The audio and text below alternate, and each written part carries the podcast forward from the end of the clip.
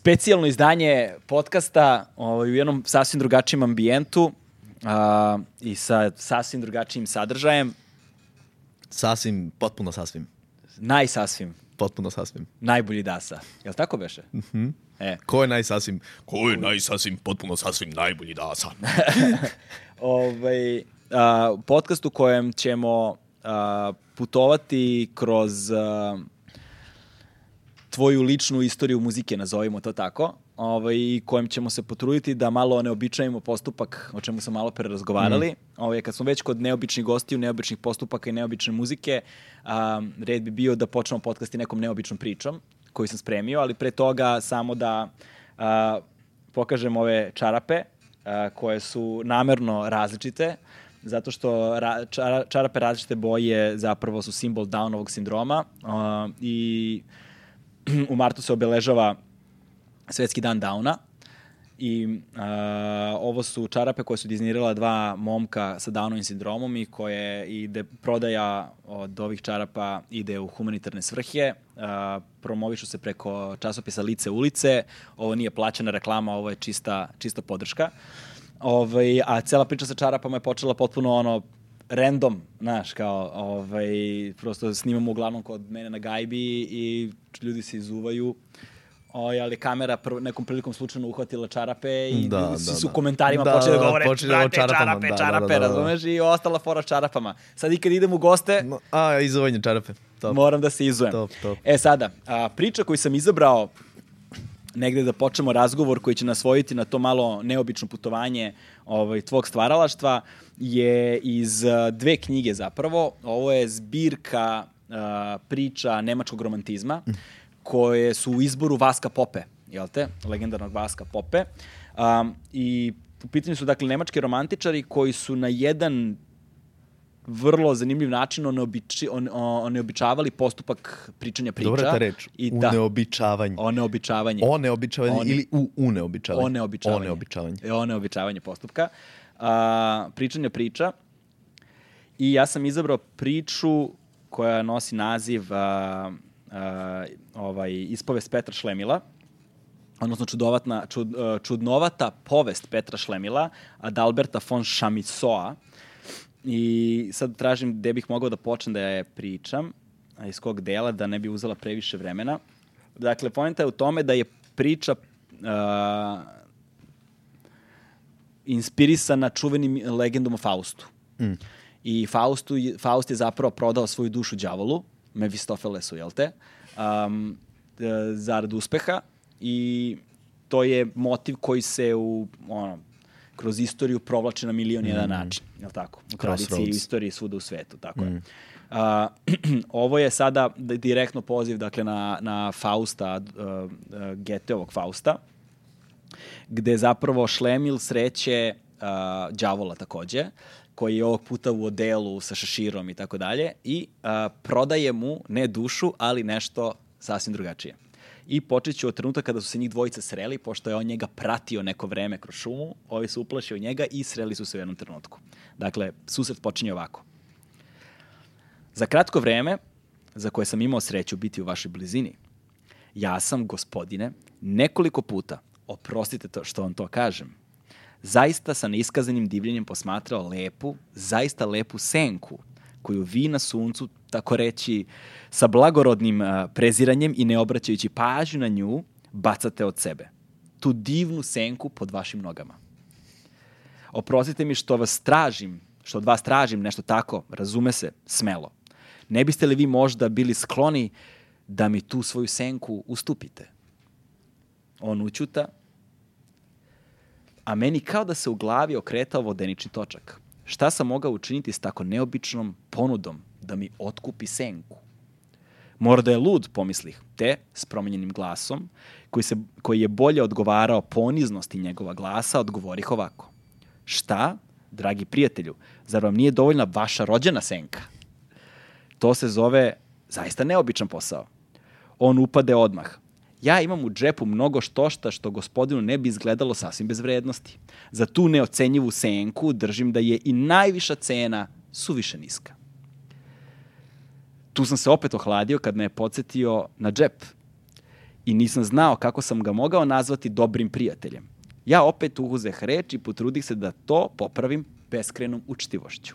Ali gospodine, oprostite svome najponiznijem slugi. Ja zaista ne razumem kako vi to mislite s mojom senkom. On me prekide. Molim samo za vašu dozvolu da ovde s mesta dignem tu blagorodnu senku i da je metnem u džep. Kako ću to učiniti, to je moja briga. Naprotiv, kao znak moje zahvalnosti prema gospodinu, ostavljam vam izbor među svih dragocenosti koje imam u džepu kod sebe.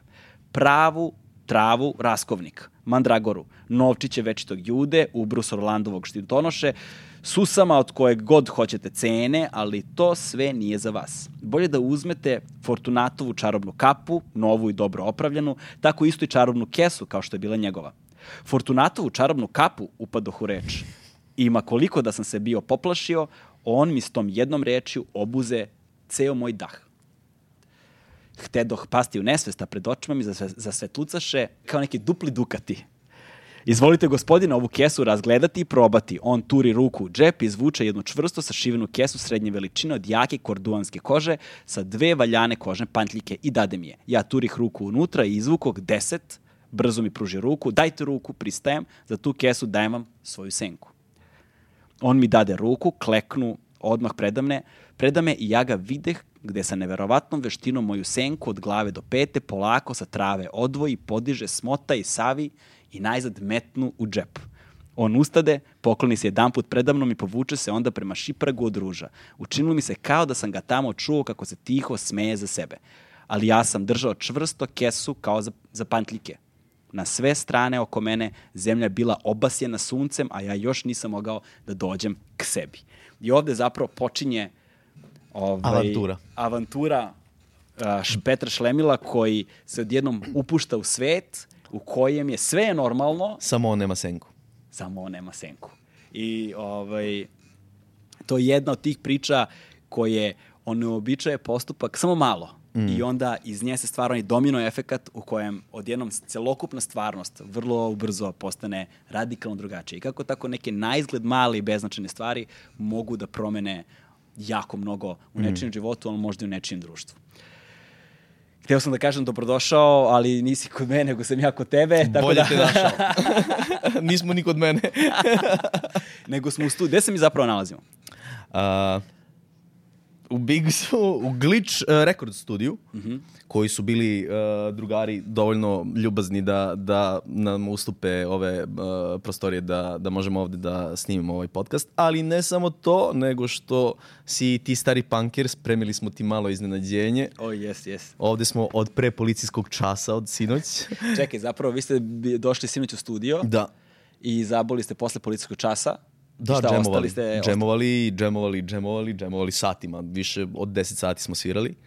I u tom, pošto sam ja imao, imao ideju da se pripremim za, za ovaj nastup ovde, Ovi, I onda sam bio sezona kad smo već ovdje, kad već ovo radimo, ajde da, da, da se pripremimo, tako da ćemo ti izvesti Čekaj, ste spavali uopšte? Da. Gde ste spavali? Pa, evo, jedan tamo, jedan tamo i ja ovde. Na ovim tepisima ste spavali, šta kao? I ko je spavao ovde? Ja. A, dobro, znači ti si gospodin, ti si dobio ono kraljevski krevet. Izgleda.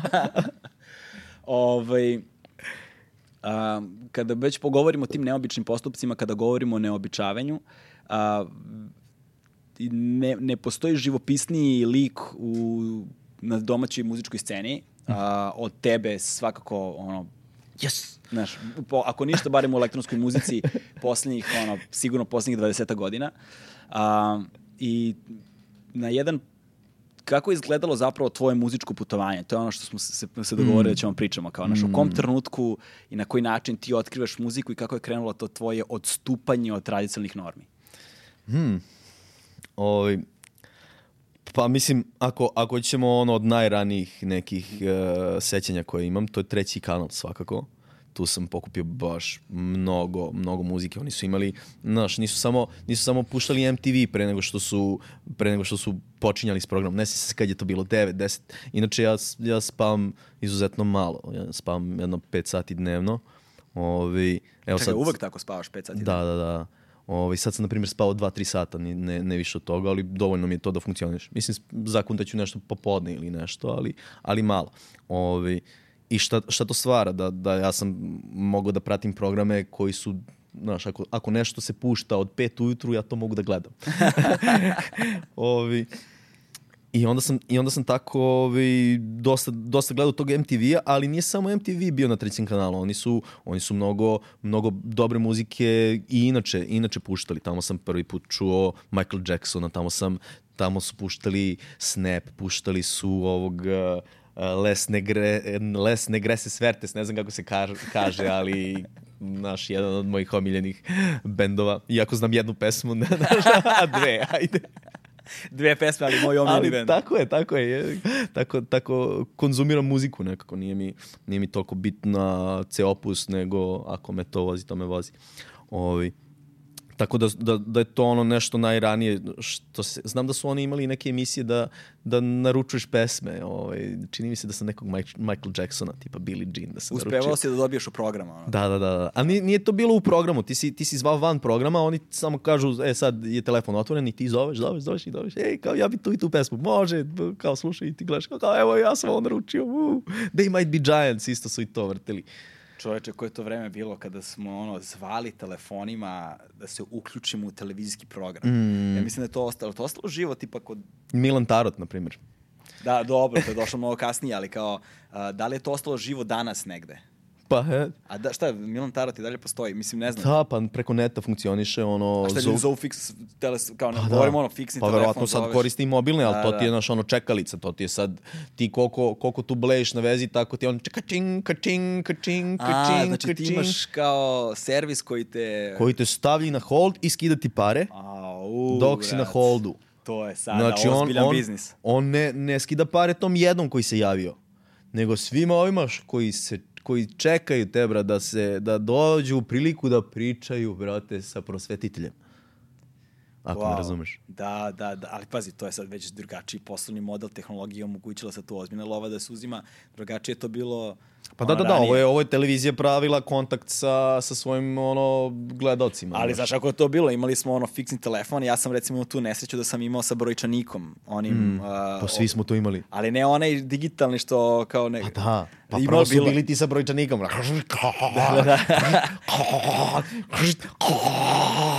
Ali si, znaš šta si mogao s njima? To je meni bilo carski. Uzmeš, pokupiš ono i ako ne radi neki broj, koliko puta prekineš vezu, taj broj se okrene. Pošto uh, na tom principu ti telefoni rade. Oni u stvari ti kad okreneš taj broj, brojčanik, Da. on toliko puta koliko si, uh, koliko si zarotirao taj, znači do kog broja si došao, ako je broj 1, on jednom prekine vezu kratko. Ako je broj 5, on pet puta kratko prekine vezu. Tako da si ti mo mogao, koja je, koja je fora tu bila? Postojali su katanci koji su se stavljali na telefone, da ne može da se okrene nula. Da, da, jer da. je nulom počinjalo naš ono pozivi u in- inostranstvo, pozivi u druge gradove, skupi pozivi Hotline. hotline, šta god. I onda Posle je bila devetka. Da, posle je bila devetka. Prvo je bila nula, imao si katanac na nulu. I ti zaključiš nulu i sad ti možda okrećeš brojeve od 1 do 9 i sad ako hoćeš da okreneš nulu, 1, 2, 3, 4, 5, 6, 7, 8, 9, 10. I on Wow. nisam uspeo. Znaš, zato što treba ono sitno, znaš, ako malo duže, on ga prekine skroz. Vidiš, evo te, nisam znao za tu foru koliko, koliko bi mi ono život bio drugačiji da sam to znao tada. Sorry.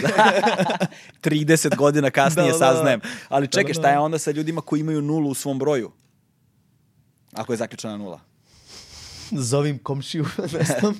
Ne Ja se da sećam da je bio ogroman problem, ne ogroman problem, ono, prvo dvojnici, A, jeste. Nisam imao nikad dvojnika, ta, tako da ne znam, ne Ja znam tu situaciju, ali, ali bilo ono, zoveš nekog pa u, u pozadini se čuje neki rat. Ono.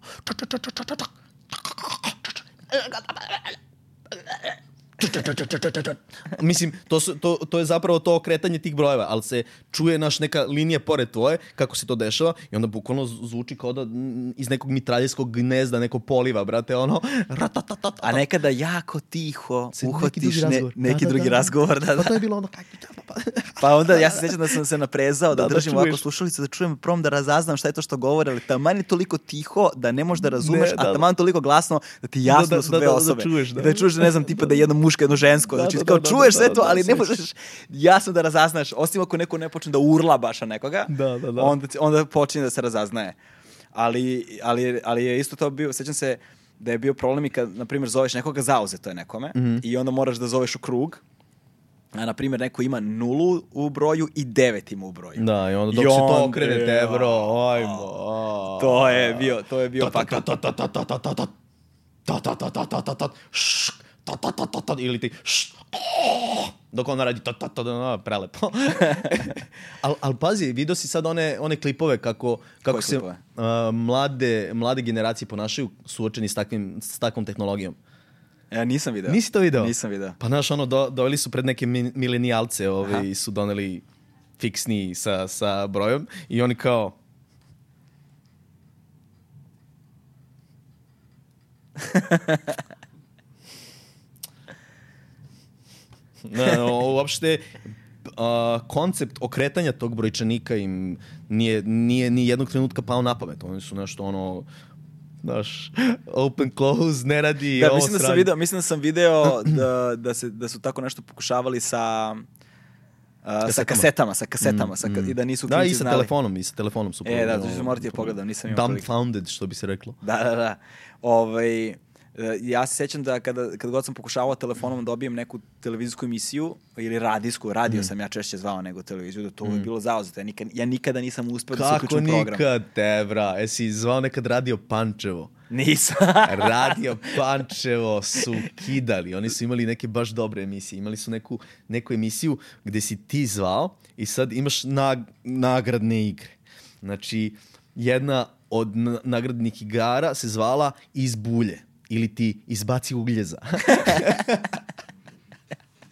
ne pa znam si, za to. Pa si onda imao... Uh, uh, pa je... Tgđ, tgđ, vušti, plenk, to su bile kao izrazi koje ti govoriš i oni ti tamo postave tipa neki zvuk i ti na onom vumetru koji oni imaju u radiju, treba da pogodiš tu glasnoću tog, eh, tog zvuka koji su oni pustili i ako pogodiš sa, svojim, sa svojom intonacijom tog tgđ, vušti, plenk, imali su te i neke definicije, onda kao ti kažu, e, bravo, ti si pobedio, razumeš? I Ali ti moraš kao- njima da veruješ na reč ako to, znaš, s jedne strane, ali ajde, okej, ali s druge strane... A tako, tako kako je ti- igra bila, Da, znači ali- nisu bile neke nagrade, znaš, ono, Da. b- bile, ostavljali su tipa ono, neku kafu u nekom kafiću u, u Pančevu, razumeš? U, još da imaš i Nikad treasure nisam- hunt, nik- ono, kao nik- potragu nikad za nisam- blagom. Nikad nisam otišao po, po to, ali nisam, se Čekaj, i tu si dobio, i tu si dobijao, a? U, Brate, Brakusa sam zvao beskonačno puta isto. Čekaj, koliko si ti, bre, čoveče, zvao tih televizija, ono, Te, radijskih bra, emisija? evo te, imao sam neki trenutak u životu kad sam... Uh, se sećaš dial-up interneta? Kako ne? E, da li se sećaš Jupaka? Hmm. Jupak Ne. je bio neki način da dođeš do neta. Ovi. I to je bilo, ne, ne, znam, ne znam šta je to bilo, to je bila, znaš, da li neka kompanija, da li, ni, nis, nisam siguran. Ali šta, šta je fora? Ako ti imaš taj kod i šifru za, za Jupak, ti možeš tamo da se nakačiš i dok god si ti tamo, imaš net. To je bilo, znaš, ono, 8 kilobita po sekundi, ali si na netu, bajo, ono, odeš pa se dopišuješ sa, sa ljudima ili, ili browsuješ nešto. Ali šta to znači? Da, na primjer, 8 sati preko dana ja sam na netu i ode, ode Keva, Ćale, Burazer na telefon da pokupi. Marko, a što si digao slušalicu? Kao vrati, vrati. Znaš, sad je baš bitno. Kao. Kao stiže mi fotografija, kao. Nije, nije, nije, nije bila fotografija, igrao sam MAD zapravo. Znaš šta je MAD? Ne. MAD ti je multi-user dungeon. To ti je... uh, Kao Dungeons and Dragons. Ne, kao WoW. Aha, Ali aha. tekstualno. Jo. Jao, kucaš north, east, south, west, pa ti on ispiše šta je toj, toj prostoriji, da li, da, li, da li se nešto nalazi, da li se neko nalazi, da li te taj neko ko se tu nalazi možda napada. Da, a sad ide u tekstu. Da, da, da, sve ti... Piše ti ovde Piše ti, se piše nalazi da, neko ko te napada. udari, ovako ti veliko ispadne. Baš te jako zvizno. Beži, beži, beži. Kucaš, beži, beži, beži. Run, run, run. Flee, flee je bilo. Pa si imao, imao, si, imao si klijente koji, koji ti omogućavaju lakš, lakšu komunikaciju sa, sa time i onda digneš taj klijent i onda ne moraš da kucaš uh, flee, nego si imao uh, na primjer, meni je uh, shortcut bio kuku enter. Kuku enter je bio uh, uh, flee, flee, flee, uh, uh, uh, uh, uh, da skinem ranac sa leđa, da izvučem scroll uh, of uh, town portal iz ranca, da vratim ranac na leđa, da pročitam scroll i paljba odavde bajo. I to sve to, to kaže, o, ša, čao. A, da, ti si pravio si shortcute koji ono su automatski bili tekst, kao copy-paste, na primjer. Pa da, da, da, ti napišeš u stvari koje sve komande želiš on da, da, da izvrši i to mu ka, staviš kao uh, koju komandu da, da pozove to. I taman je internet protok bio toliki da može prođe tekst. Tako je, tako je, tekst je mogo da piči, znaš, no, i sad, sad cool. te koliko su se vremena promenile. A. Nikada nisam igrao tekstualne igrice. Sećam se... uh, Kako ti nisi igrao tekstilne igrice, zanimljivo. Nisam Možda ti je nikad. vreme da počneš. da, Zna, čuo sam da su napravili neku, neku tekstilnu uh, igricu gde možeš da napišeš bukvalno šta god hoćeš. Znači, potpuno open world, tekstualna avantura, samo što ti treba ono nešto 5-6 giga da, da, da bi je skinuo. Ali znaš, ono, pošto, peš, pošto preko AI-a, razumeš, Da. je, je napravljen ceo... ceo E, taj- ja, da, da, da, veštačka inteligencija. Veštački inte- Ve, veja. Vej, vej. Vej, da, da.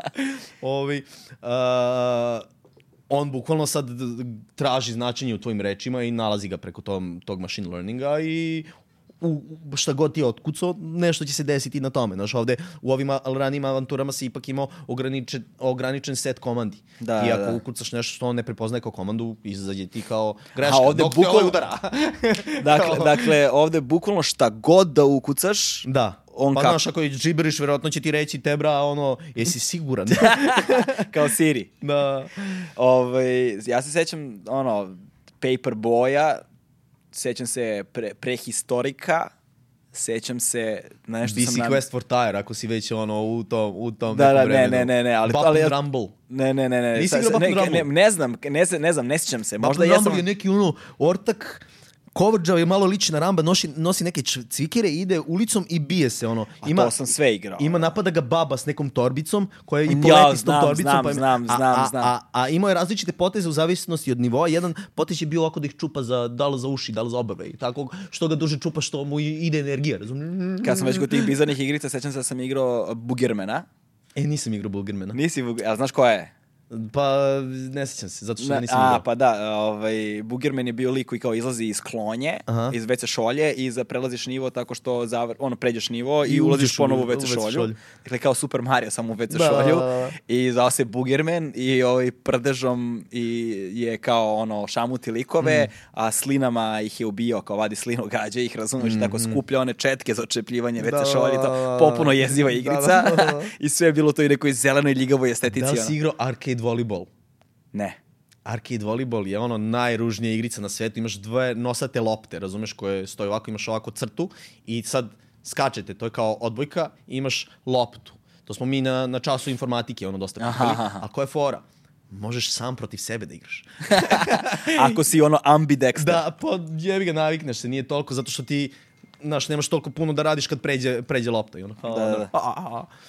Predaje O. lapa. Da, da. E, ali, ja, da, ja, a, to nisam igrao. Sećam se da sam igrao kao lud na kabinetima posle kad su se pojavili Mortal Kombat prvi, to je već bilo tamo kraja 80-ih, početak 90-ih, da se tu, da onda, onda su se ti igrale te, te, te tabačine, ono, platforme, to se igralo, ono, O, Double koliko Sam, Dragon, koliko sam vremena u buvarama provao. to, Da, Double da. Dragon, Final Fight, uh, Cadillacs and Dinosaurs, to se sve igralo.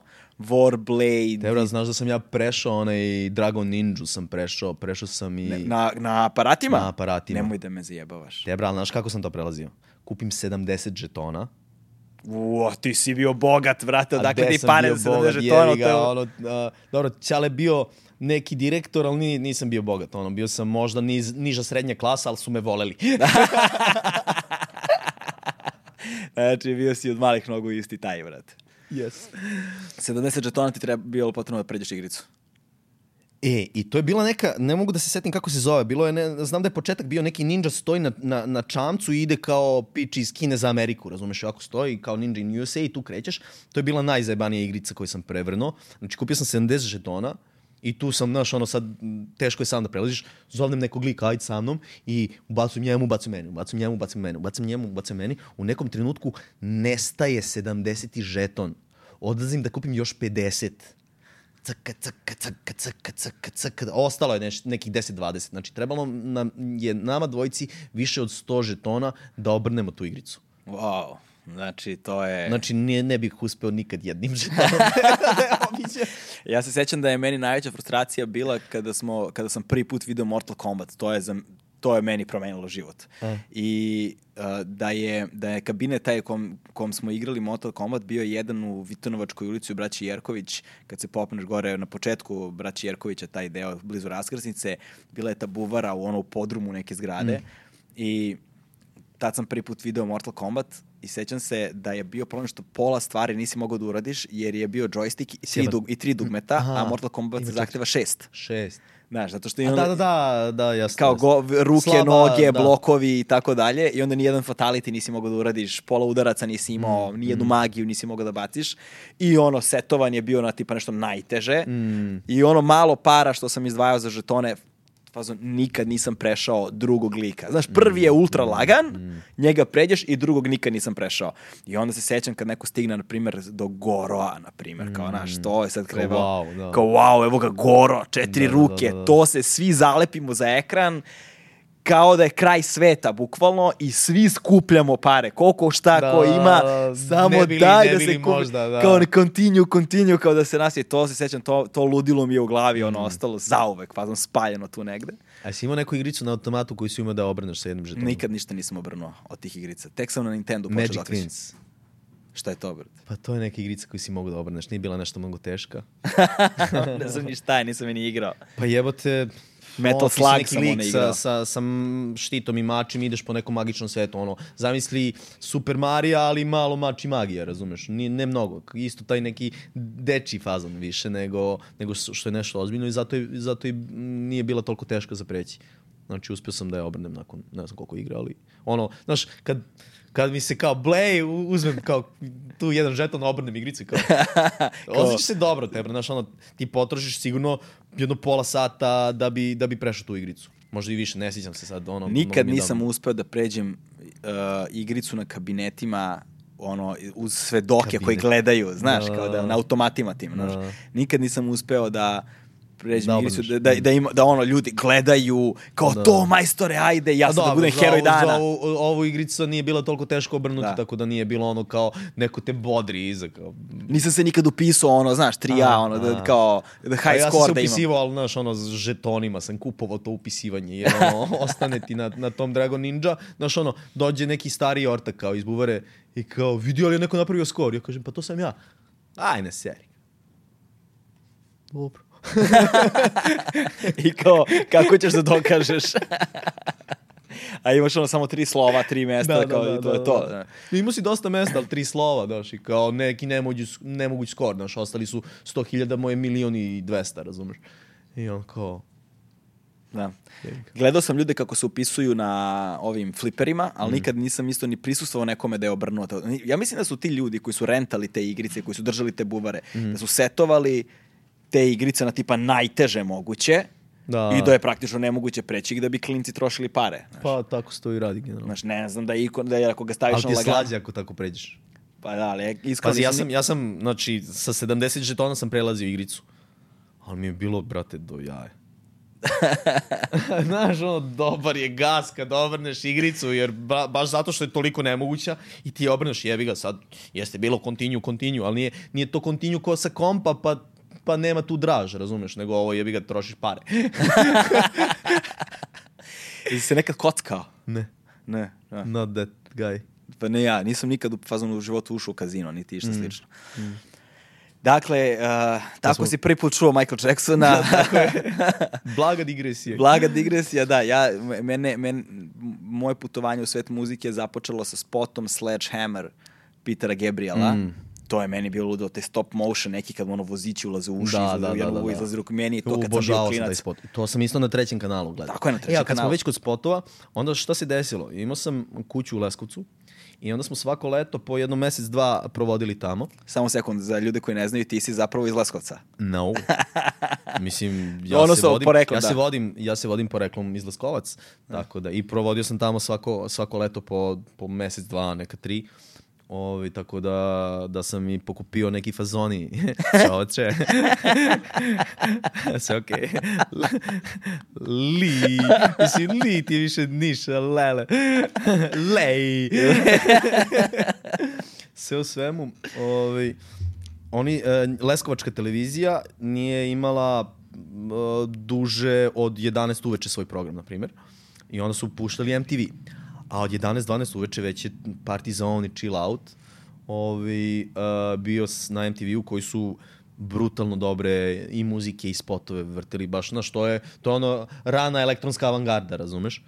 Ovaj kako sam tu stvari video bož sačuvaj. I u svakom slučaju, znaš, ja ono ko klinac ostao, znaš, pre toga bilo zabranjeno pušenje na, na svi to plisti, neće da budem švabo u dotiranom filmu, ja skačem kao sam, wow, uh, zabranjeno pušenje i dolazi Apex Twin on. What? Šta? Ovaj, kad govoriš o, u, o neobičavanju, ovaj, on je baš oneobičio, razumeš? Taj, taj spot je prvo... pa, Mislim da smo već potrošili tu reč, ono, ali kao potrošimo nema još veze, malo to je do nova kraja. reč za danas, dragi Da, da, da, da. gledoci. Oneobičavanje. Tako je. Uh, em taj spot koji je, znaš, nenormalan, prvo neka plaža, pa neke đubre, pa neka lutka, pa ta lutka, o, ovaj lik dolazi sa makazama da joj odseče glavu, onda, to je, ne, ronilac dolazi s makazama da joj odseče glavu, onda se ona diže, rve se sa roniocem, a za sve to vreme neka nestvarna muzika ide, ono, neki, neki nežan klavi, neki talasi, neko ono. I ja bukvalno sam se zalepio za to. Znam da sam ono izlazio sutradan u, u, u 10, 11, 12 uveče da pikam loptu po, po Leskovcu da bi, znaš, ono izdržao budan da, da ne bili opet uh, ulovio, uh, ulovio taj spot. I šta se, š, uh, zašto, zašto kažem oneobičavanje? Richard D. James ili ti Aphex Twin od svojih ranih muzičkih ra radova nije se pridržavao zapadnog muzičkog tonalnog sistema koji je ograničen na 12 jednako rastavljenih nota.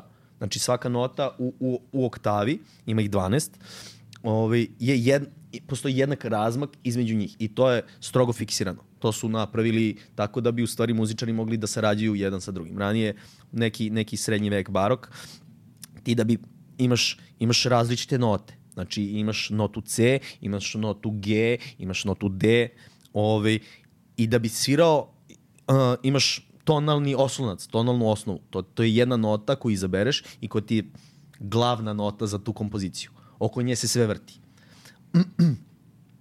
Ovi, sad sam zaboravio gde sam krenuo sa ovom pričom. Kako se, kako se on nije, nije oslanjao na jeste, zapadnjački... jeste. E, znači, tih 12 nota su tako fiksirane. Ali šta se dešava? Imaš, na primjer, ovo ti je jedna nota, ovo ti je druga nota. Da. Šta je s ovim prostorom između?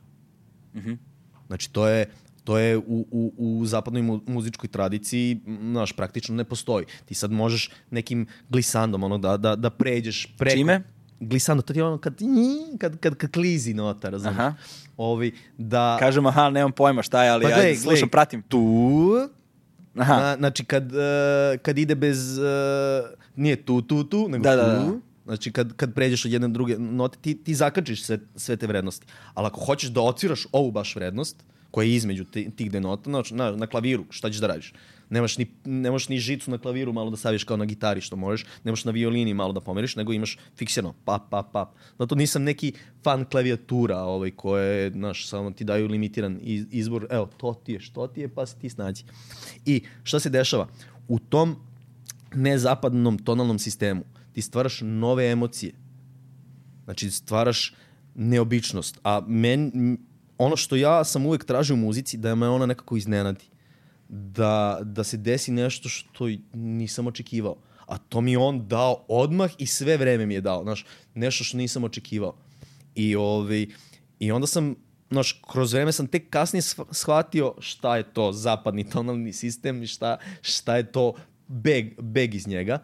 I onda sam shvatio zašto, zašto ja tražim to u muzici, jer sam u stvari od ranog, ranog detinstva sam navikao na takvu muziku. I tražim to u muzici. I meni, meni tih 12 nota u stvari dosadno. Znači ja kad, kad, kad uh, slušam stvari koje se dešavaju u, u tom okviru, Da. Okej. Čak, evo šta se desilo, zanimljiva jedna priča. Uh, skoro su neka dva lika uh, uh, po, postavila patent za svaku moguću me melodiju.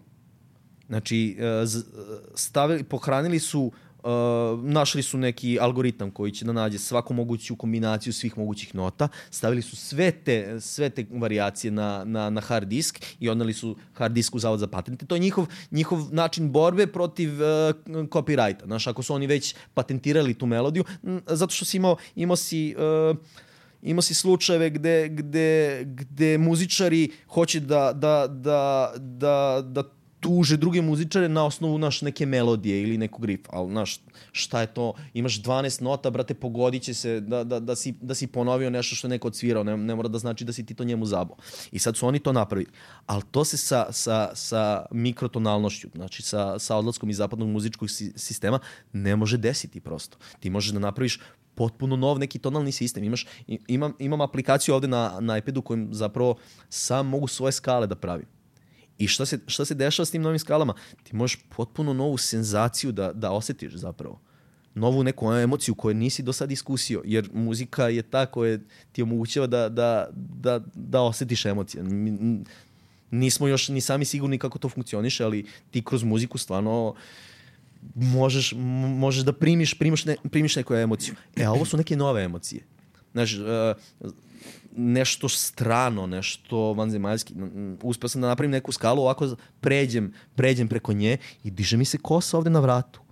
Ježim se, samo zato što je toliko, toliko je out there, toliko je, toliko je strange, da kao, u, evo sad, sad me malo opet jezica prođe do, do, dok, se, dok se sećam toga. Ovi, tako da, da, me, da me on u stvari prvi, prvi uputio, uh, Afex Twin, me prvi uputio ka tome da, da, da tražim nešto u muzici što nije baš po, po jusu, što bi se reklo.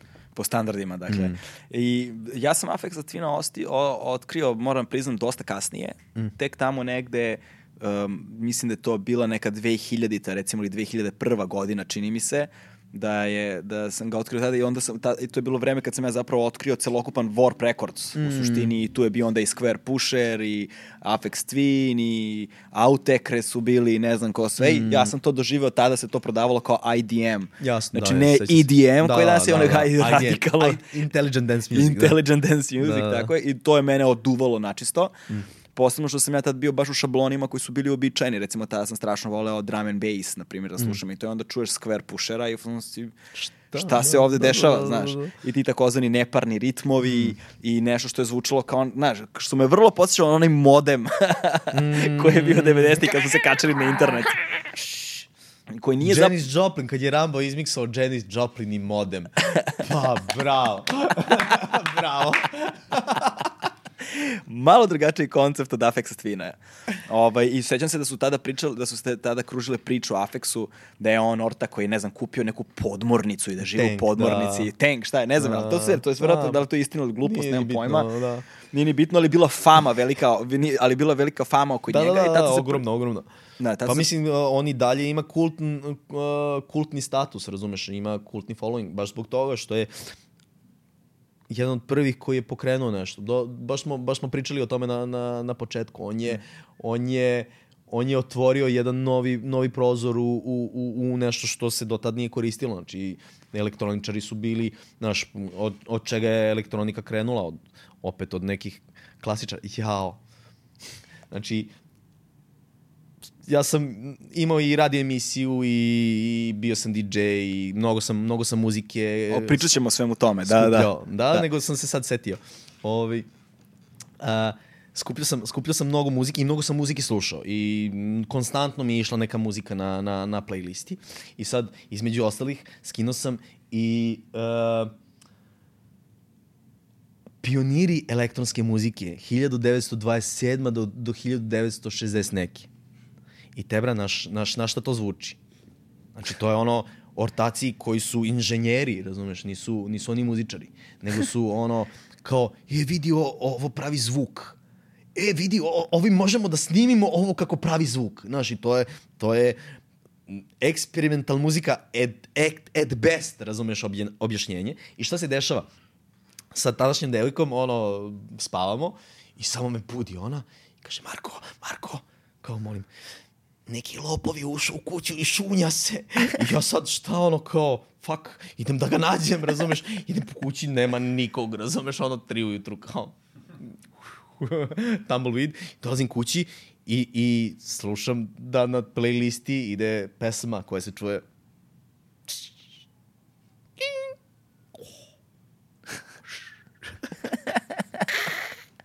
I rekao, brate, nema nikog, razumeš? Ona kao, pa ne, čula sam. Pojača malo, da nije ovo. Jeste. okay. E sad, tu se postavlja pitanje uh, šta onda, mislim, razbijanjem tih struktura i razbijanjem tih forma, izlazeći iz te zone komfora, s jedne strane ulaziš u fazu eksperimenta, definitivno, i definitivno ulaziš u fazu oneobičavanja. Mm. Ali, ali se onda postavlja pitanje šta definiše muziku?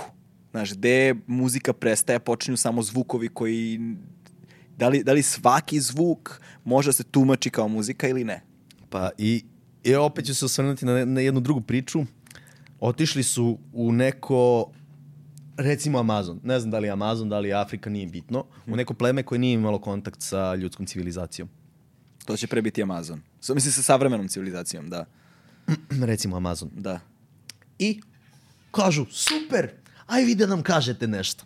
I pustim ovaj zvuk, jedan je neki ono raskošni harmonični akord, znaš ono sve lepo, C dur, brate, pa još ono preko njega, predivno, prelepo, bram, i kao okej, okay. i pustim ne, nešto onako disharmonično, disonantno, ne, nešto, i, i kažem im, znaš ono, i kažem im, e, koji vam je zvuk lepši? A ortaci su iz fazona, tebra, ne takmiče nam se. Da. Znači, shvatam harmoničnost ovoga i disharmoničnost ovoga, ali jedan i drugi su lepi. Da. Znaš, svaki na svoj način. Nje, ne, a, oni ne doživljavaju muziku kao takmičenje, kao dobre note, pa loše ne, note. To je nešto što je crkva nametala za zapadnoj kulturi. Imaš, imaš naš ono triton, to ti je ra razlika od šest polutonova, koji ono bio bukvalno proganjan, znaš, nisi smeo da ga staviš u muziku jer zvuči kao davoj, đavolji ton.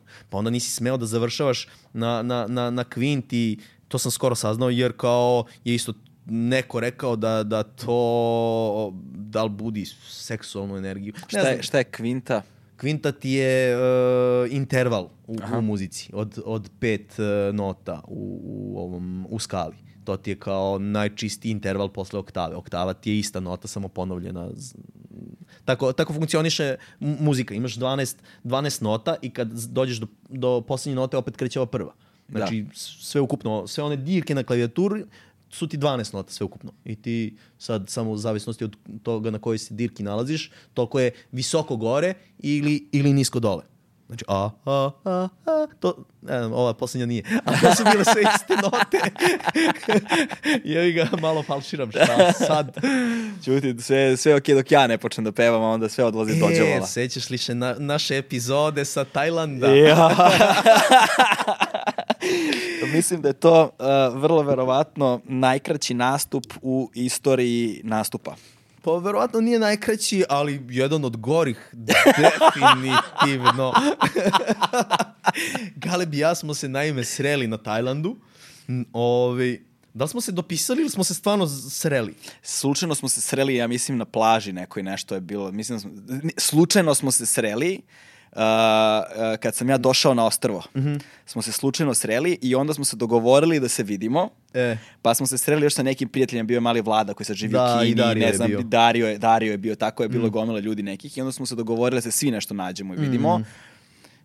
Da li se nešto izjelovilo ili nije, nemam pojma. Sak, svakom slučaju se sećam da smo ti i ja nekako sami završili u nekom resortu. u resortu gde sam ja, gde sam ja iznajmljivao bungalov i pošto su oni imali neku kao muzičku mm, binu, neki stage, ono DJ-evio muzika nešto, ja kažem, e, kao, pa ja nešto ovo muzika, kao, jel mo- mogu ja tu da nastupam? I on kao, pa možeš, ajde, kao, uveče. Ali ja sam, u, ono, ja sam tu poneo ovaj sampler koji je tu, Octatrack, i vokoder i možda jednu, jednu spravu, ali šta, to su neki moji počeci live acta i nisam, nisam znao šta, ali sam bio i sezona, jebi ga, pravimo samo šta napravimo na licu mesta, to je to, to mi smo true, razumeš, nema, nema, nema kao, brate... Kompromisa. Nema kompromisa, nema laganja, brate, ono što izlazi iz nas, to je to. Pritom, znaš, ja ne znam live, Galeb ne znam da peva, ali ja ću da radim live, a Galebe ti pevaj. ali, i, e, ali to je ono što ljudi ne razumeju. E, šta mene, na primjer, strašno nervira kod, e, evo, Marku, ja to često, če, često Marko i ja pričam o tome, ovaj, kad imaš film ili seriju u kome sad treba neko, neki glumac ili glumica treba da imitira nekoga ili da odglumi nekoga ko kao peva strastveno, ali nema baš sluha, znaš. I onda peva, pa tu i tamo neki ton isfalšira, pa se svi kao nešto zgroze. Ja sam u fazonu, ako nemaš sluha, ne možeš ti da pevaš pa da tu i tamo isfalširaš, da kao ideš u nekom Da, da, da, tonalitetu da, pa da ispadneš iz Da, njega. teško, je, teško je da falširaš ako znaš da pevaš. Nije, nije lako uopšte. Pa to, ali kažem, ali ako ne znaš da pevaš, ti od početka do kraja Tako je, tako je. ništa ne ubodeš. Možda, možda nekad nešto, pa je onda kao... Ali to je samo, slu... ali to je samo slučajno. ali to je yes. samo slučajno. Tad se publika raduje. E, ja spadam u tu kategoriju koja apsolutno ne može nikada ništa da pogodi. Dakle, šta god da mi pustiš, ja ništa ne. Ja prosto, to je iz mene odstranjeno kao tumor radikalnom hiruškom kažem, hoćeš ti intervencijom. kažem, brate, Magic, gledaj sad Magic. Nisam mu se dovoljno posvetio. A je, e, znaš koliko sam puta tu priču čuo? Nedovoljno. Garantujem. to je zato što ti sebe tešiš jer ti zapravo nemaš sluha kao. Ja sam apsolutno anti-talenat i antislukista. Ne. Ja sam uporan, bavio. to može da ti se, da, definitivno, uporan si, ono, imaš onu juneću upornost. Kako Ali- se ju ne čuje, e pa to. Ja sam više kao onomatopeja svinja na klanju. e, Definitivno. svinje klanje. I da, i onda sad zamislite kako izgleda situacija u kojoj ja pevam, dakle, to je, znači, oksimoron. Dakle, ja pevam, ovaj, dakle, I svi- repuje i svi, peva. i repuje i pevam god, A ja radim veoma loš live. a ja, a ja onomatopeja svinja na klanju na vokoderu. Buđiu! Brzo je došlo, nije prošlo 10-15 minuta menadžer, kao ipak bismo kao a, pustili muziku, gosti se bune. Mada... Ali to nije bio prvi put. Ovaj pa- ne prvi, to nije bio posljednji put ovaj, da su se gosti bunili uh, kad, kad ti nastupaš. Ja sam bio na još nekim nastupima. Sorry. Koji, molim te, molim te me podsjeti, zanima me Pa sad. bili smo zajedno na letovanju uh, na Hvaru. Tako je, tako je. Slav Mix. Slav Mix. Jesi ti tad bio na Hvar? Nisi, nisi. Ne, Slav Mix, šta je Slav Mix? Uh, uh, Puštam neke kao poznate pesme, ali ekstremno polako. I to sad ima svoju energiju. I to, mislim, mene to vozi, iskreno. I radio sam na nekim žurkama gde je to prolazilo, gde je to, gde je to pilo vodu. Znači, na devet festivalu, na primjer, sam imao, imao uh, stage za devet ljudi. I tu je bilo ono, ja puštam Elvisa Prislija, It's Now or Never, ali koji traje, znaš ono, It's Now or Never. Ali ispod toga ide, dum, dum, dum. I sad tu neki par koji se ljube, koji su se pronašli jedno u drugome u toj muzici. Znači, stvarno, stvarno veoma, veoma jaka atmosfera, jak trenutak. Ali, na, na, ovo je sad premešteno na hvar, Na plažu. na plažu, na moru i moja koncepcija da ta muzika ide od 1 do 3.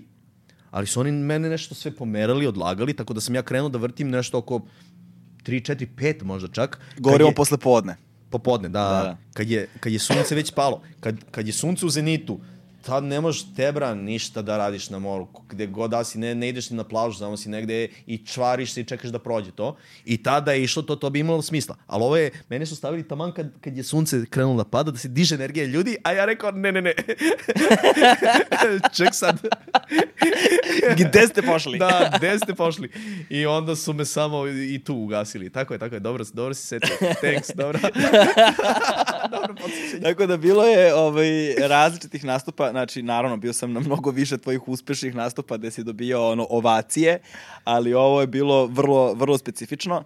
Takođe znam da je bila još jedna situacija u kojoj su ljudi vrlo polarizovano reagovali uh, na tvoj nastup. Bili su ili apsolutno ono, Oduševljeni. oduševljeni, znači do padanja u da, trans, da. do toga da su bili u fazonu da su bili apsolutno zgroženi, a to je tvoje koncipiranje uh, DJ setova sa puštanjem kola.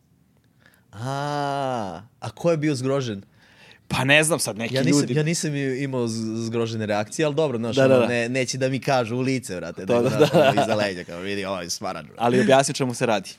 A, to me je zapravo Coca-Cola bila angažovala da uh, imali su neku, neku uh, akciju hrana sa četiri strane Srbije.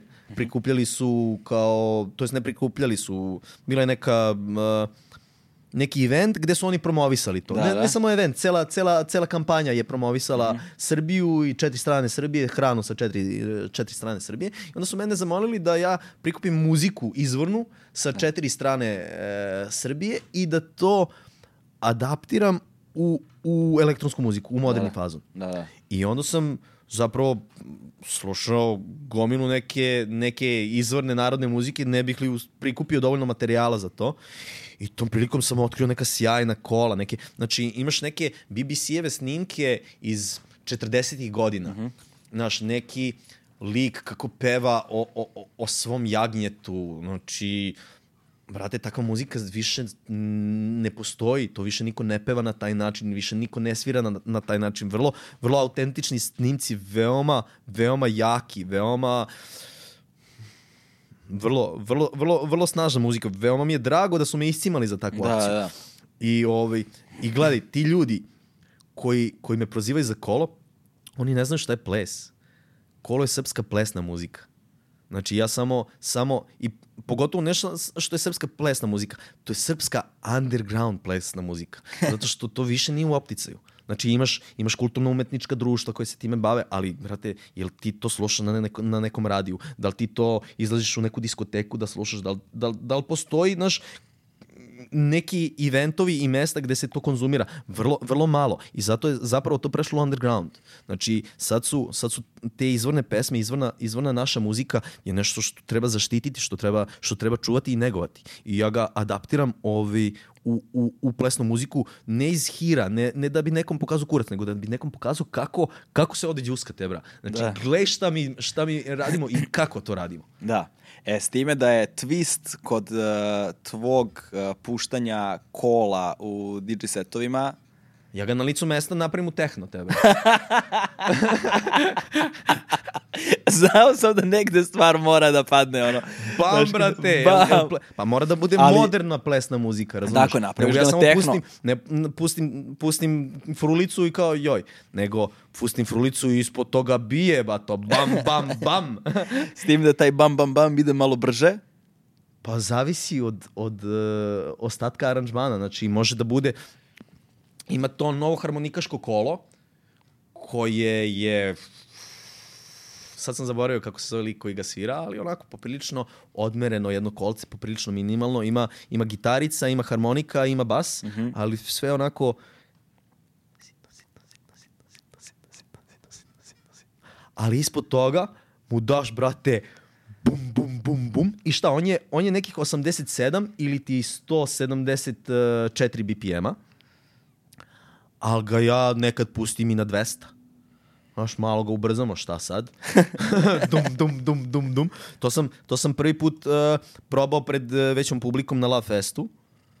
I mogu ti reći, brate, odlepili su ljudi koji su tamo bili. Baš su se izđuskali for all the monies. Jer vidiš tu ono revere, klabere koji ne znaju da đuskaju iz kolce jer nisu to nikad radili ali odjednom im se pruža prilika i oni obe ručke prihvataju. I raka, tako, raka, tako, i ja isto sa njima, jer, znaš, ono, mene, mene ta energija od ljudi, mene ona napaja.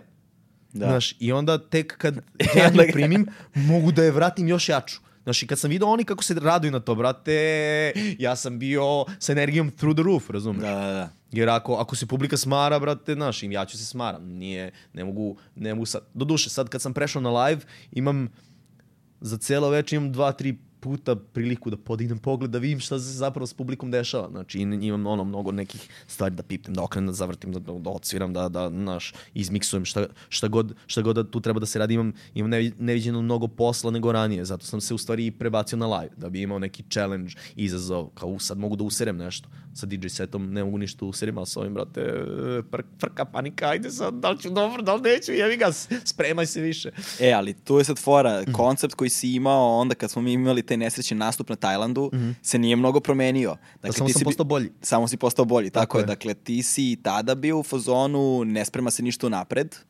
Pa sad, sad se spremam unapred, ebra, ono, nije da ne spremam ništa unapred, ali, ovaj, ali si imao koncept, a, ručak se ne podgreva. da, To, je, to su tvoje reči. tako je, tako je, to i dalje, ručak se ne podgreva. Dakle, smišlja se na licu mesta. Pa, na, uh, ovo što ćemo sad da izvedemo, nećemo smisliti na licu mesta. Znači, uh, to je funkeric, ali opet moraš da imaš neki, neku, neku predstavu o tome gde si pošao, kući ćeš doći, razumeš? Ok, ajde, reci, reci. A, a kada, kada radi neku clubbing varijantu, onda, je, onda tu mogu da, da, da, da imam, brate, nikakve, nikakva ograničenja, jer uh, clubbing je nekako dopušta ti takav, takvu vrstu eksperimenta. Znaš, jer ti ako, ako dobro bije taj kick, ako dobro gruva bas, ako imaš ako imaš lep groove, ti tu možeš, brate, da, da, da, da plivaš okolo, možeš da, da ubaciš ovu temu, da ubaciš ovu temu, sad peđa na bubnju, pa vlada na klavijaturi, pa ako je ono neki ozbiljni teh, tehno, tu je i, i hesher na, na, na modularu, naš, is, naš, mnogo glava tu radi nešto na svoju ruku, ali naš, znamo gde ćemo, gde, gde idemo, kako, kako tu dolazimo, ne znamo, ali brate, znamo da će da nam bude dobro. I, i gledamo da to, da to sve vreme, da to sve vreme mm, ima, ima taj neki groove. Mislim, zavisi, zavisi od, od, od toga šta radiš. Za, za, vidiš, za, to, to mi je zanimljivo, jer uh, na jedan potpuno čudan način, odlazeći od tradicionalnog zvuka, pravi se nekako pun krug i to zvuči kao džez. U Mm. suštini, znaš, da imaš tu strukturu osnovnu, gde kao vi se razumete oko nje, kostur, i onda svako od vas odlazi odatle, Pa jeste. ali se uvek srećete na toj tački Jeste, da biste dosta, imali dosta, je- dosta je uh, jazz pristup ovaj, toj, tom muziciranju u smislu da, da nemamo neka ograničenja. Sad nismo, nismo svi džezeri uopšte, razumeš? Ono, i ja, i ja prvi, razumeš? Dobro, uh, Heš, ovaj, Peđa i, i Vladimir Jelenković, znači, ono, Vladimir je uh, kompozitor, klavijaturista iz, iz Niša. Ovaj, pa kapiram da je on mnogo više džez nego ja, razumeš? ja sam džez u pristupu, ali ne, ne i u, u, u, škol, školovala. Da, ti si ovaj, ideološki džezer. Da, da, bukvalno. E, ajde, kad, smo, kad si već pomenuo, šta je to što ćemo da čujemo sada? Um, A? a, koji ćemo numeru, momci? Kako se zovemo pre svega? Jesmo topčineri ili, ili ne znam, ovaj... Čekaj, samo za ljude koji slušaju, koji ne gledaju, da napomenemo, da, dakle, ti si došao sinoć ovde da bi se spremio za nastup, Ne, došao sam sinoć ovde da džemujem. da džemuješ. Da. Da, bio sam i sezona kao, ajde, ovo, provo- proveo sam u studiju posljednjih nekoliko dana ne izlazeći praktično i kako su me, kako su me oni pozvali, bio sam i sezona, obe ručke ću da, ću da prihvatim i jesam. I onda kad sam bio ovde, me je malo, malo bolelo to što se nisam adekvatno pripremio za, za, za ovaj naš Da. uh, koncept. Ja sam bio sezona, Debra, a što ne bi mi to uradili? Znači, znači za, pošto on nema mikrofon, dakle, u- rekao je, ali u pet ujutru. U pet ujutru, tako je, tako je, zato što uh, pa malo smo, malo smo džemovali, pa ono, pa znaš, mislim, da sam odmah to došao i, i rekao, ne bi to bila ni ta energija, znaš, sad, da, da smo, ovako smo, brate, već bili, već bili dobrano opušteni i, i našli smo se nekako muzički i onda smo mogli da, da uplovimo i u, i u to. Dakle, ti si došao ovde, u 8 sati je nastupio policijski čas, nisi mogao da se vratiš kući, ostali No, ste Mm. nije, ovde... nije, nisam Sa- želeo da se da- vratim kući, da. bila je namera da, da se Aha, ovde. e, a samo reci sa kime si bio sa kim, u studiju? Kako se zove njih dvojica, ko su oni? E, sad je to problem. Pošto ne mogu se setiti kako se zoveš. Al prezime. Ognjen Martinović i Igor Šćepanović. I okej, Ogen Martinović, Igor Šćepanović i Marko Milošević, Tako je. a.k.a. MKDSL, Su top čideri za sad. su se našli sinoć uh, prvi put uh, u, u, u životu su i probali ovaj, u pet ujutru da rade da radite šta? Kao da izmišljate novu muziku ili adaptiranje, ad, ad, adaptaciju? džemujemo, da džemujemo. Aha, da džemujete. I onda smo u pet, u pet ujutru došli na, na ideju da se mi u stvari pripremimo za, za, za nastup, da mi nastupamo zajedno. I onda smo adaptirali neke moje stare pesme i smislili jednu novu. Ok. šta ćemo da čujemo sada? I,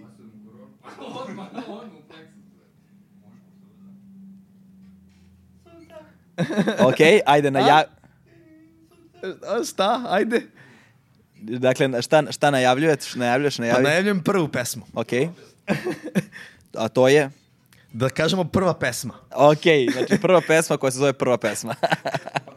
Da. A ne, nije, nije naziv, nego e, šta hoću da kažem, još nismo sigurni šta ćemo da sviramo. Dok A. dođemo do instrumenta vidi koji je put. ok, ajde.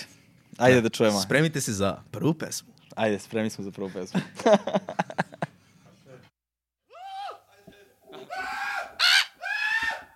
Jebote! Jebote! Znaš šta se desilo juče? Znači, ono, kakav lep dan, ono, jel malo u šetnicu, vrate, ono, parkići, razumeš, ono, ortaci, ribe, razumeš, basket, pa se malo znojimo, pa ono, znaš, neke ribice opet ubile, znaš, i dođem kući, znaš šta se desi? Znaš šta se desi? Uh,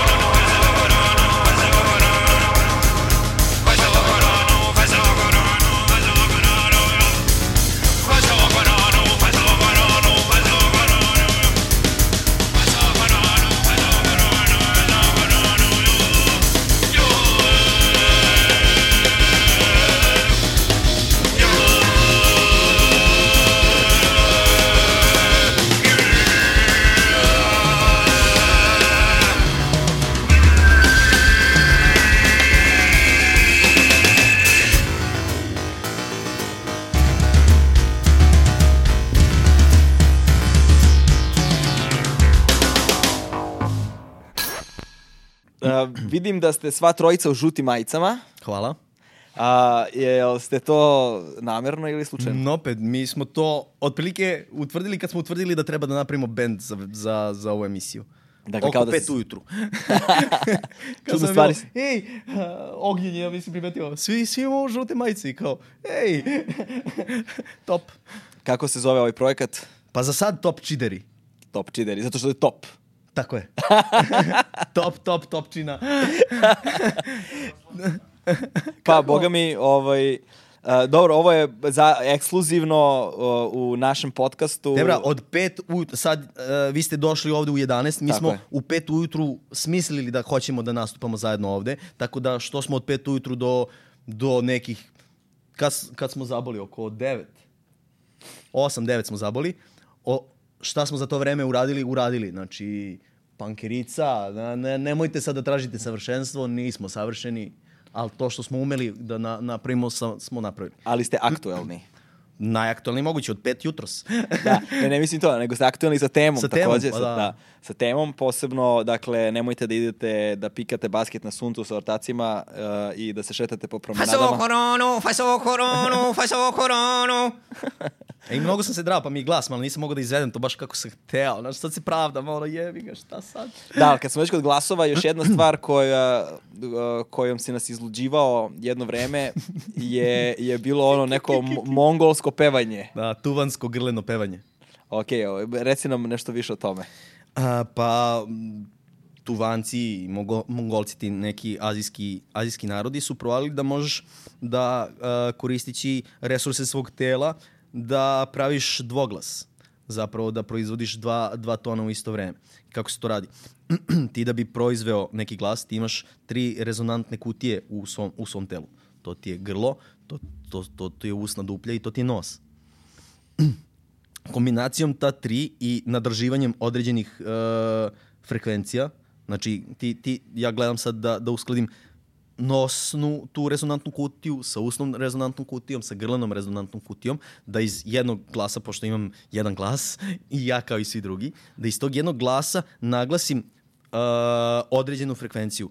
Mislim, zvukovi tako i funkcionišu. Nijedan zvuk ti nije samo, samo jedan, jedan ton, nego tu imaš sijaset nekih tonova i frekvencija i ako su oni muzikalni ili ti tonalni, ovaj, oni su u nekom pravilnom, uh, pravilnom uh, razmaku. Mislim, ja, ja mogu da pevam tonalno ovaj, pomalo. I, I onda, onda od tog zvuka ja izdajam specifičnu neku, neku frekvenciju. Razumeš? I on- onda nju naglašam. Kako, kako to zapravo zvuči, da samo ne, ne, ne, ne, ne pričam u vetar. Ajde da čujemo. Ali, znači, od, od, od osam se, ili, da, od osam, na primjer, sinoć se derem, tako da nije, nije mi top glas ako, ako ne, ne uspem lepo da, da izvedem, nemojte se srditi, molim vas.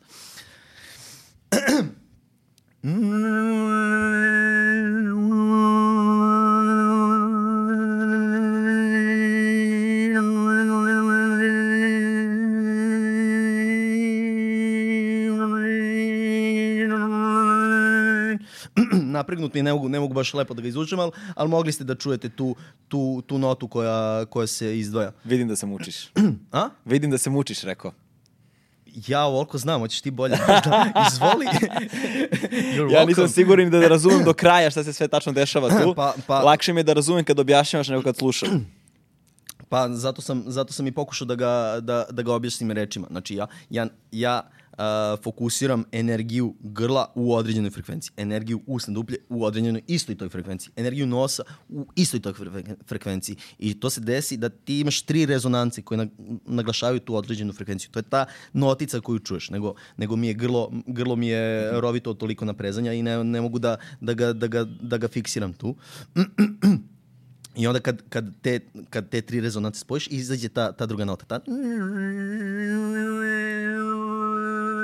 Viš kako mi, kako mi drhti, ne, nemam, Da. nemam, nemam snage sad, sad u, u, u tome da ga, da ga zadržim na mesto. To ti, je, to, ti je, to ti je jako bitno, da ti je ovaj, ovaj ležeći, ležeći glas da ti je jako stabilan, jer ti tek onda, jer su to veoma, veoma sitn, sitna pomeranja. Znači, šta ti unutar nosa možeš da pomeraš?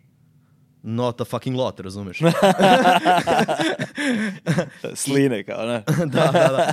I, i a, gledam da, da jezikom suzbijem što više, a, što više zvuka a, mogu ovog osnovnog. Znači, ovog, mm, njega gledam da... Mm, znači, jezikom pritiskam, a, pritiskam pozadi grlo i gore, gore uz nepce zadnjim delom, da, da, da, da taj zvuk umesto i posle mm, e, i onda kad, kad, kad sam ga tu sabio, onda, onda jezikom tražim, bukvalno kako, je, kako su gore uh, zubi i ovo su zubi, ovo, ovo je nepce, sad tu tražim... Dakle, za one koji samo slušaju, pokazuje dlanom da, pokazujem. zubijan podlaktica mu je nepce. tako je, tako je. I kako se jezik šeta? Jezik se, jezik se šeta povijen, or napred, kad napred, kad je pri zubima se ispravlja, kad se povlači nazad ka, ka, ka, ka dubini nepca se, se, se savija na gore i onda tu tražim u stvari Zapravo ti, Znači, pom, pomeranjem jezika pom, uh, nameštam, nameštam taj, tu, u stvari, oblikujem uh, rezonantnu uh, šupljinu u, u, u usnoj duplji. Ali to šaljem i u nos i u grlo. Znači, i, isto to. Znači, da, da, bi, da bi ta frekvencija bila, bila što jača, da, bi ona dakle, mogla da ti ispeva. zapravo vrhom jezika duž I, usne vrh, duplje. I vrhom jezika. Znači, I I, vrh. I vrhom jezika. Vrh je, i- znači, ti imaš kako, kako ti je celo grlo. Znači, ja pritiskam, pritiskam krajem jezika, znači onaj, onaj, Aha, onaj korenom ti je- jezika korenom neki. jezika pritiskam, pritiskam nazad. Onda sledećim delom jezika pritiskam, pritiskam gore uz nepce, da, Aha. da, da to što više e, izolujem, da bi što manje tog zvuka iz, iz, iz grla dolazilo, a da bi se da bi se uh, on- da bi on bio tiši jer znaš ako- čuješ njega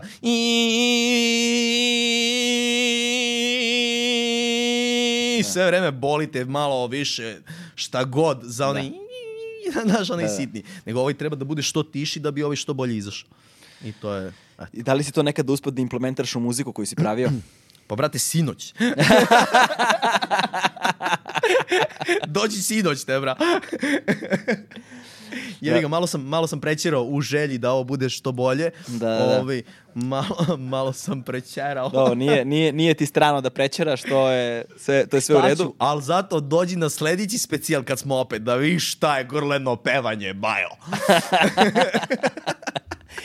Ovaj, dakle, da se vratimo sad na temu, Apex Twin u velikoj meri određuje smer u kojem će se kret, ćeš se kretati kasnije u životu i sad to je već ogromno odstupanje od onoga što je tradicionalan zvuk. Ti sad uranjaš u putovanje neko kroz elektronsku muziku, počinješ polako da se formiraš, mislim, ono, ja, sam, ja kad sam te upoznao pre više od 20 godina, ti si već bio DJ, ono, u suštini, znaš. I a, kako, kako je izgledao razvojni put tebe od dečaka koji je prvi put čuo Apex Twina do nekoga koji je počeo da pravi i pušta muziku? top, brate, moram da ti priznam.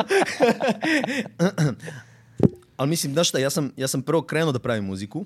Znaš, ono, došao sam, to je neka tipa 95. 6. godina.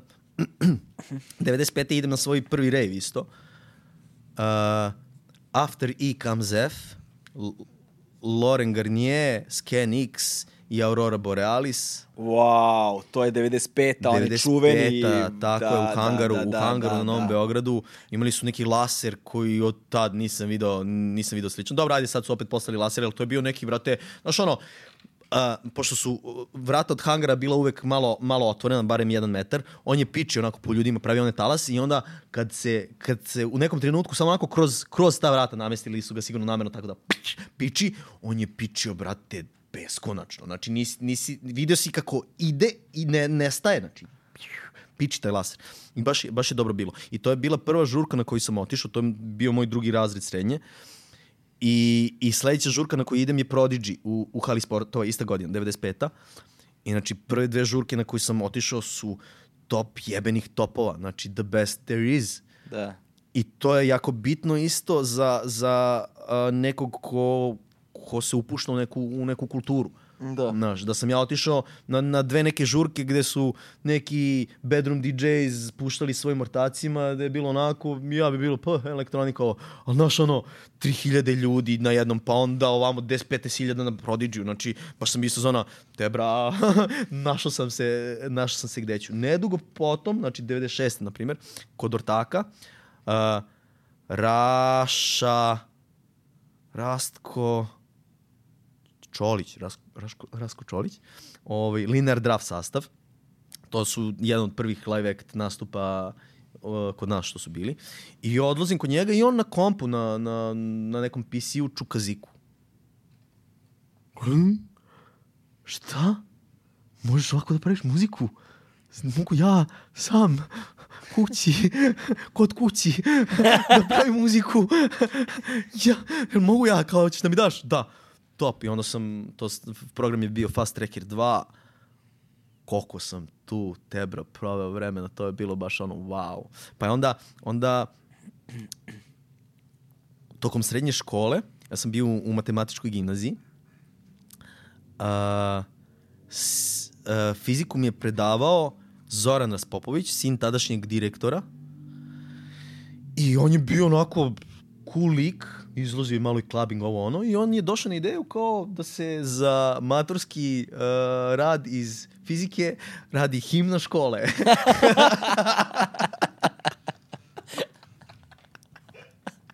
Molim te, je- daj mi, molim te, daj mi kontekst svega toga, ono. molim te, pojasni mi ovu stvar. šta, Ako ti tačno, ima- šta ti tačno nije jasno? Zašto se radi himna, ovaj, šta znači radi se himna Uh, pa on je to pustio u predlog pred nas, decu, omladinu. za, za fiziku? Pa on je predavao fiziku. Tako da je to bio ovaj, maturski iz fizike. Pošto je pod njegovim, ovaj, uh, kako se to zove, Dirigentskom palicom. e, ovi, i ja se naravno javim, pošto sam ja tu kao, znaš, jeste da ja nemam baš blage veze, ali ja, znaš, kao ona Fletcher, ne, Fletcher Manson, nije Fletcher Manson, uh, ona kriva koja, koja ti je, kako se, uh, imaš krivu, uh, uh, parametri su ti uh, samopouzdanje, to jest vera u sebe. A, a, Fletcher Manson je. e, Ne, ne, ne, ne, ne, te- to je... Ne, to, je za, za sluh. Je e, Fletcher sad- sad- sad sad- sad reći, e, Donning-Kruger. Bravo, Donning tako je, tako Donning-Krugerov je. efekat. Mount Stupid. Da, da. E, to, znači, okej. količina, količina samopouzdanja je uh, ova skala na gore, a ova na desno je količina iskustva. Tako je. I znanja. Znanja, ma, ma, uh, mastery of a skill, razumiješ? Tako je, da. Ti kad, kad na nuli si, znači ni- nije ti upoznata ta veština, nemaš samopouzdanje, nemaš ni veštinu. Kako krećeš ti da se baviš, tako samopouzdanje skyrockets. E, ja sam u tom pu- trenutku skyrocket pa- samopouzdanja bio iz sezona, evo ja ću da radim himnu škole. I on je to kao, ajde super, ti radi himnu škole. I onda kad sam došao kući, pa ovo nije nešto, ovo ne ide, ovako, ovo onako. Na kraju, jebi ga, ono, nisam, nisam uspeo da napravim to da, da bude zadovoljavajuće, ali sam šta uradio? Uzeo sam, odštampao sam uputstvo od fast trackera na sve engleskom, napisao, a, moji roditelji su u stvari napisali neki dupe uvlakački sastav mom direktoru, kako to se dešava dan, dva pred e, rok za, za predaju tog uh, uh, diplomskog rada. Ovi, uh, piš, o- ja sastav je ono, kako sam ja gledao TV i naišao je naišla emisija koja se zove tipa muzika koju volim, gde je gostovao moj direktor. I kako sam ja, bog zna kako oduševljen njegovim muzičkim izborom. Ja sam bio znao, ok, ali šta je tu je, oni su pisali, ja, ja nisam ni to uradio, ajde. I onda sam složio to nekako, to je bilo uvod, pa je onda bio moj kao, uh, na, na, na, ne znam ni, ni tačno šta sam napisao, ali je iza toga pisalo kao, uh, i sada kao kre, e, sledi tumačenje uh, softvera koji sam koristio za, za izradu muzike, ali zbog neprevodljivosti nekih termina na, a, na engleskom i ono samo copy paste, brate, rk manuel, razumeš, ono help file iz, iz, footy, iz Fast Trackera 2 i to sam ukoričio i odneo tamo.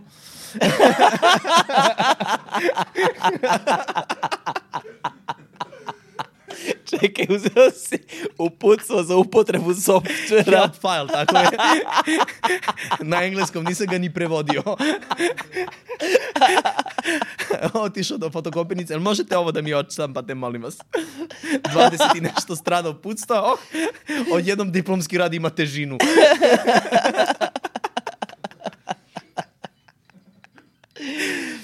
Ali, pošto matematička škola nije bila neka škola da ugnjetava đake, oni su, oni su shvatili tebra, ako ti ne želiš da učiš, neće oni da ti teraju. Tako da su bili iz fazona, pa na trud i na entuzijazam, evo ti jedan, ali kao na, na umetni, jo- na još nešto sam do, dobio jedan i na umetnički kao dojam sam dobio pet i to je sve u zbiru bila dvojka i oni mene pustiše sa time ja da, da prođem. Niko me nikad nije pitao je li šta si ti ono, imao iz maturskog u srednjoj školi. Da. Šta si onime hteo da kažeš, brate? Šta si onime hteo da kažeš? Čime? Pa maturskim radom, ali meni i dalje nije jasno uh, šta znači himna škole.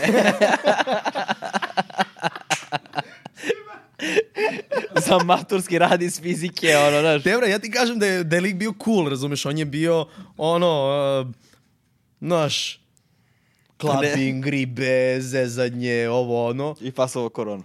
Ne, ne, ne, ne, ne, ne, ne. To je ovaj što se zezao. On se tad zezao kad je trebalo. Ovaj, ma mislim, znaš šta, to je pre 25 i više godina. Da. De, 25 godina, tako je. Ne, malo, malo manje, 23, 4. Davno smo završavali srednju školu. Tako, e. 98. sam ja završio. Da. Pre 22 godine. Dva, davno beše, brate. Ovaj, dakle, ti si počeo da praviš muziku pre nego što si počeo zapravo da nastupaš. Mhm. Prvo, sam, prvo sam krenuo s produkcijom, pa sam onda neke 97. krenuo da kupujem ploče, jer sam ono, već, već krenuo clubbing, ovo ono, industrija, zezanje. Uh, I do 99. sam nakupio ne, neku izvisnu količinu ploča. Šta su bile prve ploče? Koje su bile prve ploče? Koje Prve tri ploče koje sam kupio je bio Afex Twin, Come to Daddy uh, EP, to jest album, šta Da. god. Ja ga dupla, koji dupla EP je, ploča. da, da. Ja ga znam koji je EP, ali dobro. Come to Daddy. To Znaš su, šta, ima taj spot je, ra... 7-8 pesama, tako da, Da, da da. moguće da je album, znaš. da, da, taj spot je radio Chris Cunningham. Chris Cunningham jeste. Ovi, um, on pa je bio Speedy J, Nigo Snicks Uje. i bio je uh, Emanuel Top, uh, Pulsar, ne usetim kako se zove uh, druga pesma, to je neki acid techno, znači a ovaj Nigo Snicks je tebra neka ljuta eksperimentala, ali sam veoma volao da je miksujem. Strašno je lepo išlo uz Kraftwerk Uf. Uz Kraftwerk je jako lepo. Ej, i sećam se prvog miksa koji sam snimio. To je vrlo, vrlo zanimljiva priča iz smisla, znači, kod ortaka Gajbi, znači on je otišao iz te sobe gde, gde, gde, gde, gde su oprema, gde su gramofoni, mikseri i, i rekorder. Ja ubacujem kasetu, pritisnem rekord i treba da stavim ono iglu na, na, na gramofon, prvu ploču da pustim, a ruke te, bra, ko žele. Trema, brate, samo što sam pritisao rekord i što hoću da snimim. Te, bra, ne znam odakle, ne znam, sam sa sobom, razumeš, ja u čudu, brate, šta se događa jebeno. Znaš, ali samo, samo jednostavno, znaš, ta trema nečeg novog, ne, nepoznatog, šta god. I, ovaj, I onda sam do 99. prikupljao prikupio neku količinu ploča i prikupio sam malo, malo tog stava, kao, brate, vidi ovaj, kao, kakav je ovo prelaz, vidi ova pesma mi se ne sviđa, ovo mi se ne sviđa, ono mi se ne sviđa, stavno, sve mi se nešto ne sviđa, razumeš? I onda, brate, ja ću da budem taj lik kojem, kome sve, neš, sve vreme nešto smeta, ili ću da, ono, put your money where your mouth is, razumeš? Ako Da. mislim da mogu bolje, let me see you try, bitch. Da, da, da. I onda sam i rekao, kao, ajde, ajde da probam ako već toliko... Znaš, ja sam tu sa pozicije ne, muzičkog producenta, znaš, ja, ja sam tu sudija, razumeš, ja osuđujem ovaj, ovaj prelaz, osuđujem ovaj break, osuđujem ovu pesmu, brate, mrš.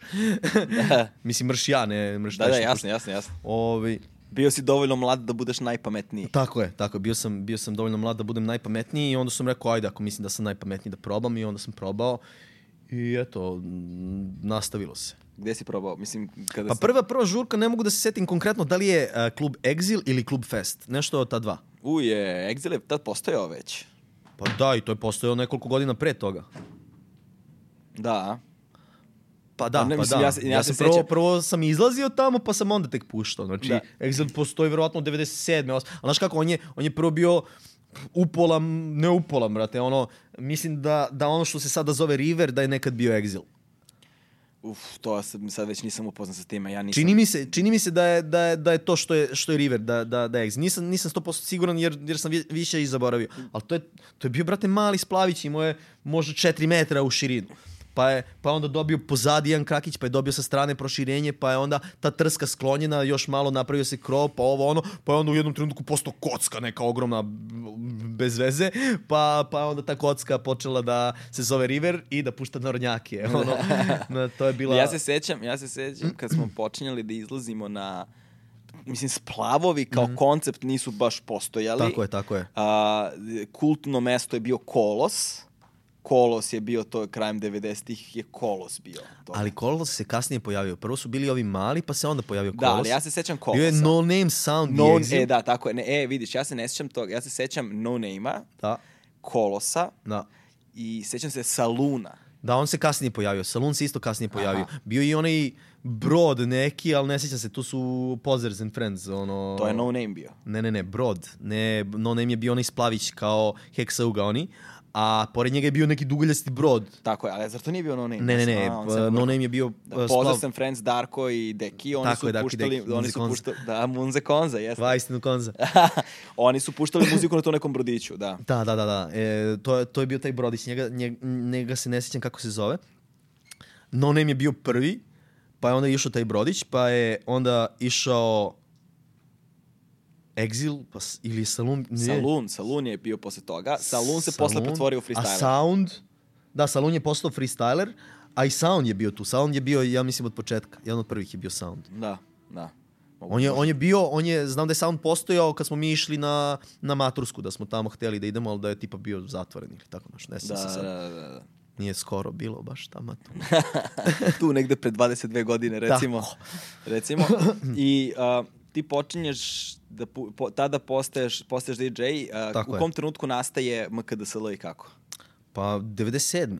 97. u računskom centru sedimo ono, drugarici ja pikamo mad, računski centar ETF-a i ovaj, pikamo mad i sad nešto ne radi taj lokalni e, server na kome se igramo i kao neki drugi sad tražimo, idemo na netu, tražimo koji su madovi kao cool i prijavljam se neki, kucam username i traži, razmišljam i kao urlik besnog pileta.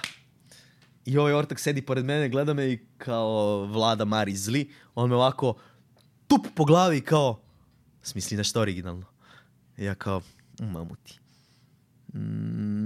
Mm, majka kaže da sam lep. ili mama, ne, ne mama, ili maj- ne, ne, mama, na primjer. Ovi, I to sam to je to je prva upotreba. I onda je bio otpor tamo ist, isto to 97 je bio otpor delili su one nalepnice. I onda sam to napisao na nekom tramvaju MKDSL i zalepio. I i na vratima od sobe i onda sam krenuo da, da ga koristim. Znam da prvi flyer na kojem, sa, na kojem sam se potpisao je pisalo MKDSL i sećam se nekih ljudi, brate, kao zašto ne možeš da budeš normalan, što ne staviš ime i prezime koji svi drugi, kao, ti ova neka slova, kao, ja rekao, pusti me na miru. Ali se ispostavilo jako dobro zapravo, zbog CEO, znači ti ukucaj MKDSL na netu, samo ti ja izlazim. Ne postoji ništa drugo što, što je, što je MKDSL. Mislim, to je tad bilo samo neka slova. Nis, ni, nisam tad znao šta, je- šta je biti uh, lako predražljiv pojam na internetu. Ali em što, što me lako nalaze na netu, em što imam web, ono, web adresu uh, od uh, pet slova. mkdsl. Razumeš, .com. Da. Nađi ti website od pet slova. Sad nije, nije, ne, nema ih u, u slobodnoj ponudi više. Da, da, mkdsl.com, dakle. Mm. A, ali super je to ime, posebno s obzirom na tvoje pravo ime i prezime. Posebno 90. godina. Mm. A, pored tebe, Marka Miloševića, poznam još jednog Marka Miloševića kome, ko, ko, koga smo zvali Barkley. Ovaj, pozdrav za Barklija. Um, I on je, ja znam da je on imao ono silne iskustva, ono vrlo šarenolika, posebno Brate, možemo da pričamo i o tome. Potrajaće.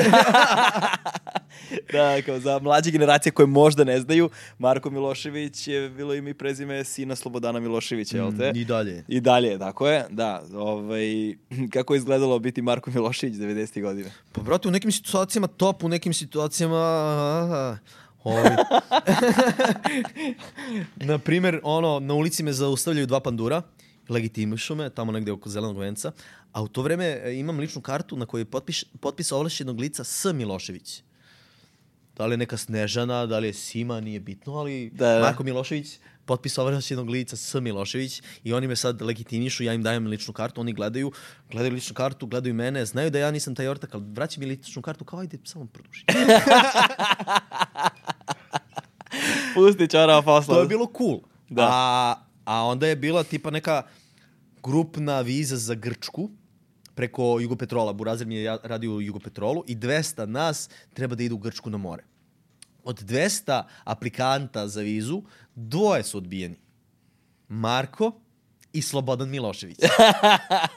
od kojih je Slobodan Milošević beba od godinu dana. Ali, ali bože moj. Jeli, znaš ti k- kakav je sad to moment? A, u, rodi se nekome dete, jel tako? U vreme kada je Slobodan Milošević Slobodan Milošević i ti se prezivaš Milošević i daš detetu ime Slobodan. A deda mu se zove Slobodan. A po dedi kao. Ne znam, ti ali... Da, da, da, mislim ima smisla. Obrt na, na, na priču, jer sam ja tako razmišljao, pa sam došao i do ovog. Znači, možda je, možda je moralo tako da se zove jebo, ga, jebo političku situaciju. Te da se tako zove. Pa moguće čoveče. Ne da. znam. A, kad, si, kad si već pominjao uh, tele, ono, telefoniranje radijskim emisijama, radio Mm. pančevo i tako dalje, učestvovanje u kvizovima, ovo, ono, setio sam se da je svoje vremeno postojao na radio B92 kviz koji se zvao, kako se zvao beš ovaj album Sex Pistolsa? Velika rock'n'roll prevara. E, jeste, jeste. Velika rock'n'roll Tako je, rock tako je. prevara. I to sam zvao par puta, ali nisam bio toliko dobar u rock'n'rollu nikad, razumeš? Da, da. Elektroniku baš i nisu tehno puštali. Istina. I onda O, nisam mogu tu da uopšte prismrdim tim ekipama koje su tu dominirale. Gordon Paunović i ekipa sa radija B92 generalno uh, pod Bože i Vlada, Bože, da. Bože i Vlada Bože i tako dalje, da. Bo, Bo- Bože i Vlada, oni su vrlo rano u, s- pri, prisvojili i razumeli elektronsku muziku među prvima u ovoj zemlji, definitivno. Mm, I bili su odlični uh, promoteri tog zvuka. Znači i na radiju i na žurkama. Mene i Boža, Boža, Boža prvenstveno, ali i Vlada i Gordon su, su zaslužni za dobar deo moje, uzi, muzičke edukacije. Pored Vlade Lepjafa koji mi je po, komšija sprat ispod mene živ, ž, i dalje živi tamo, ja ne živim. Ovi, uh, koji mi je, on, on je stariji od mene dve godine i on je slušao sve to, stalno mi je dobavljao novu muziku, slušao je Afex Twina, slušao je Da. taj rani trance, znači ja sam non stop imao uh, izvor veoma kvalitetne muzike u sebe, da li, da li to iz komšiluka, da li to od Gordana Vlade i, i, i Bože.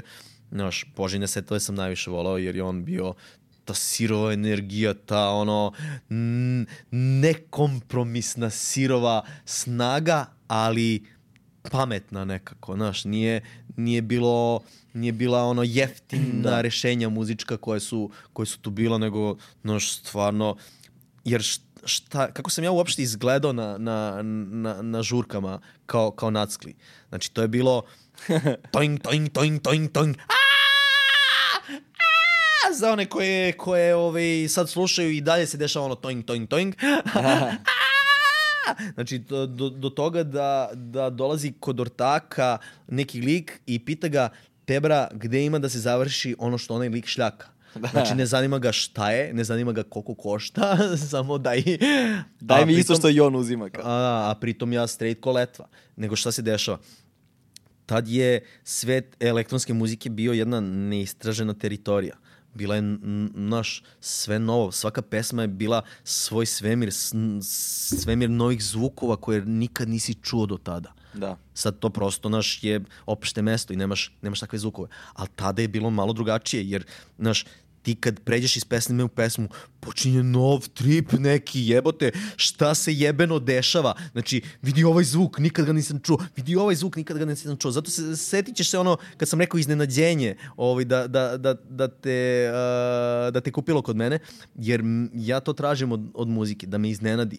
Jer kad mene muzika iznenadi, to me u stvari najviše vozi. Kad se desi nešto, brate, š- što nije, nije, po, nije po standardu, nije po očekivanjima, ali je dobro. Da. Znaš, ne ono samo ba! ali je dobro. Ne, ne, kao daj, daj iznenadi me, ali me iznenadi tako da me dirneš i iznenadi me kao kvalitetno me iznenadi. I Da, to, je, to je velika razlika uh, između originalnosti uh, i autentič, odnosno, ori, odnosno ne razlika, nego originalnost može bude dvojaka. To što je nešto originalno Ne ne, da- znači da, da je je dobro. dobro. Tako je, tako je. Dakle, origina, ne stavlja se znak jednakosti između originalnosti da, da, i da je, da, nečeg da, do, da, da je nešto da. dobro. Vrlo često nešto sasvim originalno je banalno u velikom broju slučajeva, ali da Mm. budeš originalan, zaista autentičan, ali da to zvuči dobro, e to je ono što izdvaja a, velike umetnike od onih koji to nisu. Mm. I vrlo često je ta originalnost banalna. Mislim da Chili Gonzalez čak ima neko izvođenje gde nešto kao repuje pa govori. kako E, je- sinoć sam im puštao Chili Gonzales, ali ne, ne ovo, to kad repuje i, i priča, nego i znam na šta misliš, ono kao obja- objašnjava onoj ribi, da Ne, kako, nego, kako nego muzika ele- nastaje. ele- Electronic Beats festival ima, pa je nastupao sa klavirom tamo. Ok, ok, a ovo na šta, šta, sam, šta sam njima puštao sinoć je onaj uh, Piano Battle, jel si gledao to? Nisam gledao. Nisi gledao Chili Gonzalesov Piano Battle? Ne. Dragi gledalci, i vi morate da, da ukucate sledeći search term. Uh, Chili Gonzales Piano Battle. I verovatno prvi klip koji izađe na vrhu kao. Pa na šta, ima ih nekoliko isečaka, ima jedan od 59 minuta gde je ceo taj battle. Šta se dešava? Imaš dva, dva pijan, dvojicu pijanista. Imaš uh, nekog francuza veoma ono školski pristup posvećenost, treninzi, klavira, ovo ono šta sve, ne znam, pričam na francuskom ništa, nisam, ne sam školovao.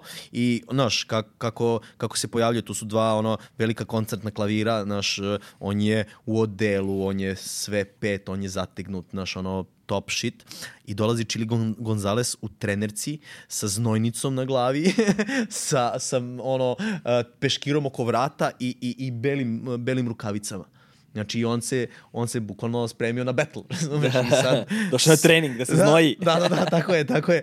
Ovi, I sam taj kontrast i, i da čuješ šta on svira u odgovor na svirku ovog lika, baš je, baš je jedno zanimljivo iskustvo. Treba, treba pogledati. Može, može dosadno da, da se gleda taj ceo klip od sat vremena, ovo je, ali može uz preskoke, ono, zanimljivo. A verovatno ima neki highlight reel, Tako ono, na kojem pa možeš ne, da znaš, gledaš. ima, ima ne, neke iz, izdvojene, ali svakako ga vre, vredi pogledati. Ovaj, Chili je, koliko mi se čini, sam sebe naučio da svira klavir, jel tako? On je nešto samouk. Nisam siguran. Mislim sam, da sam slušao neki intervju njegov da je rekao da je samouk. i Moguće, moguće, nisam- nisam Ali ne garantujem to, ne držite da. me za reč.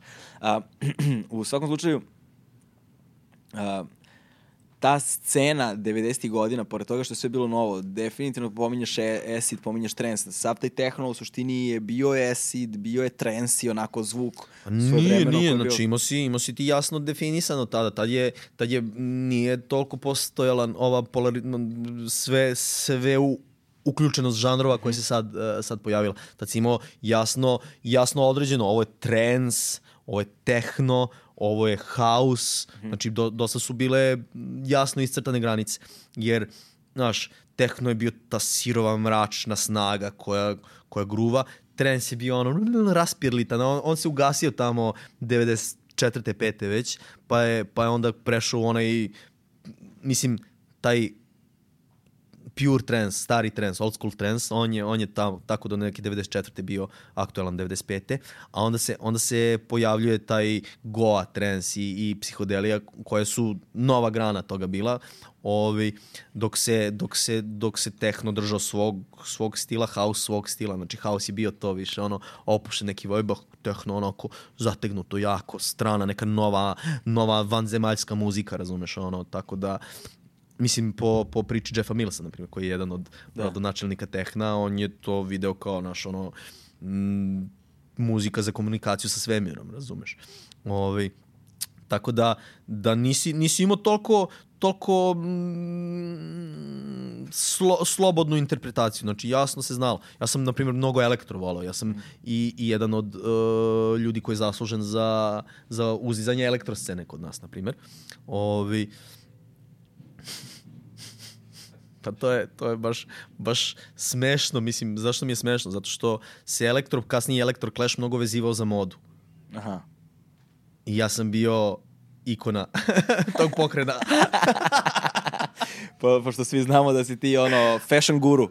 Fashion anti-ikona, da? I Da. Ja, ja sam bio, naš, nekako naj, najneočiglednija osoba za izbor kao naš idola tog, uh, tog celog pokreta, a jebi ga, bio sam dobar DJ, razumeš? Da. I, onda, I onda to se nekako i u taj moj karakter i u sve ok, prihvatili su me ti, naš ono, u basementu, to, to, to, to, je, to je bio uh, pik tog elektro... elektro On je letnji basement ili zimski? Zimski, zimski, u Zvezdi, da. Da, da. Ovaj, to je bio neki uh, pik tog elektro, elektro trenutka i, i, i celog vajba. Ovi, I tamo, tamo je baš ekipa ta Fashion Yes Yes. Da, da, da. Skoro ce, cela, ceo taj basement je bio Fashion Yes Yes i ja u Carnex majici, pa ono DDR Novi Sad, pa... Chips i to. ne znam li nisam Chips, imao- nije, nije Chips tad postojao, Ne, imao sam Chips. diskont Hemik Kikinda. Ta mi je bila draga. Znaš, I ono, znaš, često u nekim iscepanim trenerkama, poderan, ono, zarastu u neke kose, brade. Meni to sve bilo, naš, nebitno. Meni je bitno muzika, meni je bitno to š, š, š- sa čime se, se zapravo zanimam i šta prezentujem. A ne prezentujem sebe, nego prezentujem stil, prezentujem zvuk, pre, pre, prezentujem vibe. Da, furao si anti-stil u suštini na neki, Da, na da, neki da, način. da. Zanimljivo je to zato što ti i posle zajedno si radio sa DJ Flipom, odnosno Mm. Filipom Miloševićem. Vas dvojica ste furali svojevremeno, tako sam vas ja barem video i mislim da vas je širi deo javnosti tako video, kao neki break beat u suštini. To je, su A bile to je te- Filip, to je Filip, da. vrto. Ja sam se baš, baš zbog toga što se on pre- opredelio za breakbeat, baš sam to za, zaobilazio. Mhm. Da bi, da bi n- a, naši setovi bili a, raznoliki, razumeš? A, breakbeat, on je bio breakbeat, ja sam bio više elektora, razumeš? Da, da, da. A koja je razlika između breakbeata i elektra? E, breakbeat je kao ono dobro isproduciran, a u elektro su dobre ideje. Da, da. Uh, Ono, meni I onda je... je bila čudna, u stvari, izvini što te prekidam, a samo da završim misao, uh, bila je čudan, čudan spoj, jer ovaj breakbeat sabija produkciju i onda puštam neku kao ziku koja je meni gotivnija zika, ali brate, e, ono, produkcijski padne, brate, sve padne, ono. Ali vas dvojice kad ste radili back to back, to je uvek zvučilo dobro meni, znaš, znači nije... Pa zato što smo dobri, ono, nego, znaš, Da. ono, ja ti govorim koji su, koji su iza kulisa bili problemi, Mm. ono, da, da, da to stvarno zvuči dobro. I onda sam ja morao da, da, da se snalazim kako ja da, da, da, da, da sa tim loše isproduciranim elektrom, da stignemo ovu top produkciju breakbeata, znaš, jer ovi sa breakbeata nisu se toliko cimali oko ideja, ali, brate, imaju, imaju sound, jebe majku. Ovi, ovi iz elektra, oni su kao, ono, tripuju se kao, jao, znaš, ono, daj, daj ovde sad neku devetku da stavimo, pa, znaš, ono, neke, neke, neke kompleksne akorde, kompleksne progresije, mislim, kompleksnije od, od, od ovoga, ne govorimo o klasičnoj muzici, molim lepo.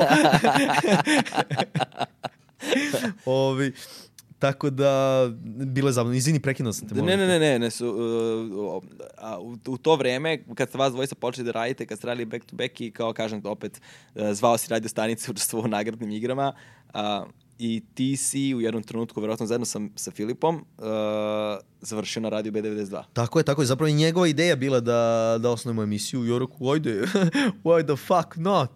Ovi, uh, I držali smo je nekih 10-11 godina. Mislim, to je, to je i razlog zašto sam ja toliko mnogo muzike, zašto sam slušao i one e, e, e, rane pionire elektronske muzike 1927. do 1960. neka. Znaš, Da, kao, da. to je ceo naziv albuma. Ovi, prosto da bi popunio materijal za DJ set, da bi popunio materijal za radio emisiju, ja sam bio mm, u obavezi prema sebi da slušam novu muziku 8 sati dnevno. To je bilo naš ono konsto, konstantno uh, istraživanje šta je novo izašlo. Uh, dosta sam koristio, na primjer, Funky Souls forum uh, ruski. Funky Souls. Funky Souls. Čoveče. Fucking. I bukvalno svako izdanje koje je imalo primesu elektronike u sebi sam skidao. Znači svako izdanje i to dugi niz godina. Bukvalno svako na onom njihovom uh, blogu koje piše elektronika, open, download, presluš, open, download, presluš, open, download, presluš, open, download, presluš, open, download, presluš. Koliko download, danas presluš. neverovatno zvuči to vreme. Ali opet zapravo prava underground muzika se i dalje veoma teško nalazi jer je na streaming servisima uglavnom nema. Da. Znači ti dalje moraš da koristiš za elektronsku muziku recimo Soulseek, Hmm. koji ono, ne pamtim kad sam ga uključio posljednji put i sećam se na, na, na ovo Funky Souls, ono, skačat file. Znači, mora- Kačat, jeste, jeste. I Yandex.ru. morao si da naučiš ruski Da, jezik, da, da, brate, da barem mo- malo da znaš gde da klikneš. Jer je ono sve na ruskom i sad... I to nije jednostavno tako izgledalo. Znaš, sa, sa Mm. aspekta današnjeg uh, korišćenja softvera, društvenih mreža, govorim o ovo vreme pre društvenih mreža, sa aspekta današnjeg korišćenja društvenih mreža i koliko je sve uh, Olakšano. Je, olakšano i dizajnom Pa baš napravljeno. zato, baš zato da bi se svi priključili. Da. Jer, znaš, ono, mi smo sad dosta više, što bi se rekao, computer savvy od, od, uh, od nekog ko Da. prosto, naš, je tek Kori- došao tu. Čak iako, iako su ovi klinci rođeni u, u netu, znaš, ono, ako zna da uključi Facebook i YouTube, znaš, neće znati mnogo, mnogo toga pored toga da uradi. Jebi ga. Da, zato što a, nekako korisničko iskustvo a, na samim softverima, na tim sajtovima, u to do, rano doba interneta, je radikalno drugačije od ovog danas. Mm. Jer bez obzira što si se snašao da odeš na neki sajt, to ti nije olakšavalo korišćenje tog, Tog sajta. Da, i taj sajt ima svoje cake i Tako, svoje... I tad je bila fora da svaki sajt Mm. ima nekakav svoj poseban dizajn, da smo se ložili da odlazimo na sajtove samo zbog dizajna. da je to jest. bila posebna umetnička grana. Da. Kao, wow, vidi ove. Vidio, ali- ovo, vidio, uj, šta su napravili, da. I onda je bila fora da zapravo svako dugme, odnosno svaka stavka na sajtu, da budu originalni u načinu na koji se ona koristi. Tako da nisi imao univerzalnost to- to jezika baš- u korišćenju. To baš ne, ne znam, znači, bilo je... Da, nisi imao neku standardizaciju. Nije bilo standardno. Nije, kao. nije, da, nije Ovo bilo na kao primjer, sad, uvek da, isto, ove ne, tri, nije. ove tri crte i ovo, ono, na... Toga nije bilo, da. Nije, nije bilo. Ali opet si imao neke, neke šablone po kojima su se pojavljivale stvari i gde su se pojavljivale. Znači, nije bilo baš potpuna anarhija, nego si imao, na primjer, gore neki meni koji, od, iz koga Da. možeš nešto da klikneš, pa te on vodi negde drugde ili ti ispadne neki drop down. Znači, u suštini se to svodilo na isto, samo gde se to nalazilo i, i ne kako se pamtim baš da zvalo. su bili u tom ranom internetu drop down meni toga nije bilo, to je došlo nešto kasnije, ono, sa razvojem flasha i to. znaš. Moguće, moguće. Ali je, ali se, seć, ali se sećam tačno kada je, kao, kada naletiš na sajt, trude se da budu originalni, trude se da imaju nekakav poseban dizajn i još ako je na drugom jeziku, O, oproštanje, brate. znači... O, Jesmo li za jedan muzički intermezzo? Može, ajde.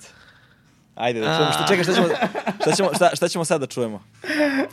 Sad ćemo da čujemo a, a, lice i oči. To je zapravo dupe... PG-13, to je- PG-13 a, verzija. To, da, to je zapravo dupe i sise, ali da ne bude cenzur, ali kao da ne bi morali da se cenzurišu. Ok, ajde. Da, da. Kako je to? Zbog čega je to? Zbog, Šta?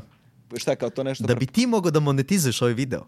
A, ako je dupe i sise, ne bi, neće moći... Pa mislim sad sve manje i manje. Ok. Nije dupe i sise. Šalili smo Nego se. lice i oči. Lice i oči. Hajde, čujemo lice i oči.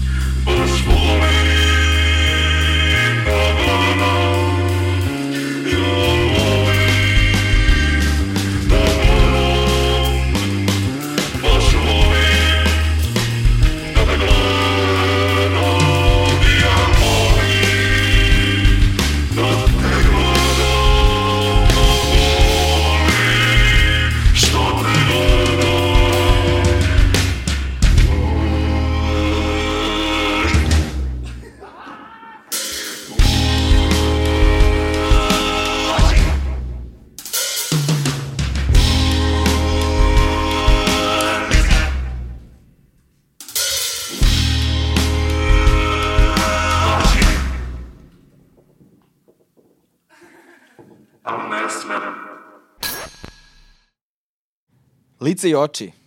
Lici i oči. Lice i oči. Želim da diram tvoje lici i oči. Ne, sad nema diranja, vidiš, dva A, metra ne distance. smem. Moramo da se držimo... Da, zaboravio sam da isključim vokoder za to poslednje, ali ne smem, ali to zadnje reči su, ali ne smem baš zbog Da. aktualne situacije. Jer, znaš, ono, dosta intimno da ne, nekom diraš lici i oči. oči posebno. Znaš, Potpuno intima, što bi se rekao. kao, znaš, nije baš da svaki dan nekome dodiruješ oči. da, znaš. pa, ipak, znaš, iako je PG-13, ne, ne smemo je baš lišiti sveg. Mm. Nego, a, sa pesmom Dupe i Sise si imao jednu vrlo a, burnu životnu epizodu. Jel to i dalje, jesi ti završio s time ili to traje? To i dalje traje. Ja, se, ja sam i dalje u sudskom postupku Ok, sa... ajde samo je reci ljudima o čemu se radi, da ne, bismo, a ne moraš da ulaziš previše u detalje, zato što je Pa postupak i ništa, dalje u procesu. televizija Happy, to jest emisija Parovi su baš gotivili Dupe i Sisi, jer nekako se, znaš, baš je himna njihovog postojanja, realno. I koristili su je kao nešto što njima pravi dodatni sadržaj. Znači, nisu, nisu je koristili kao prostu muzičku numeru, nego, znaš, ono, bukvalno su koristili da bi, da bi uh, izazivali ukućane da ili da džuskaju ili da prave incident ili ovo ono. I dobro, to meni šta god. Neko mi je rekao za to još u Mintu, tipa 2011. kao da oni baš besomučno koriste tu pesmu. Meni bio kao, e, top, nek koriste do jaja. Ovi. I onda posle toga se desilo da je pošto su je toliko forsirali, Bora Drljača je prepeva u narodnja, kaže u nekoj emisiji kao ne, neko tu, dupi sise, dupi sise, a da, dupi sise, a, to onako nešto, znaš kako bi ja to otpevao. I onda prepeva na narodnjački i kao, čija to pesma? Peđa the Boy. Čija pesma Peđa the Boy? Ovi, svi, svi u, u kući govore kako je to pesma Peđa the Boya. Međutim, nije. je, a Happy televizija se nije ogradila od toga. Znači, nije, se- nije onda, znaš, tebra, okej, znaš, ajde, dajte, vaša televizija em, em mene, em mene kao Da. ponižava, em kao uh, koristi moju numeru, ajde nešto, nešto da budemo dobri i vi i ja, kao ne, ne, nešto se dogovorimo.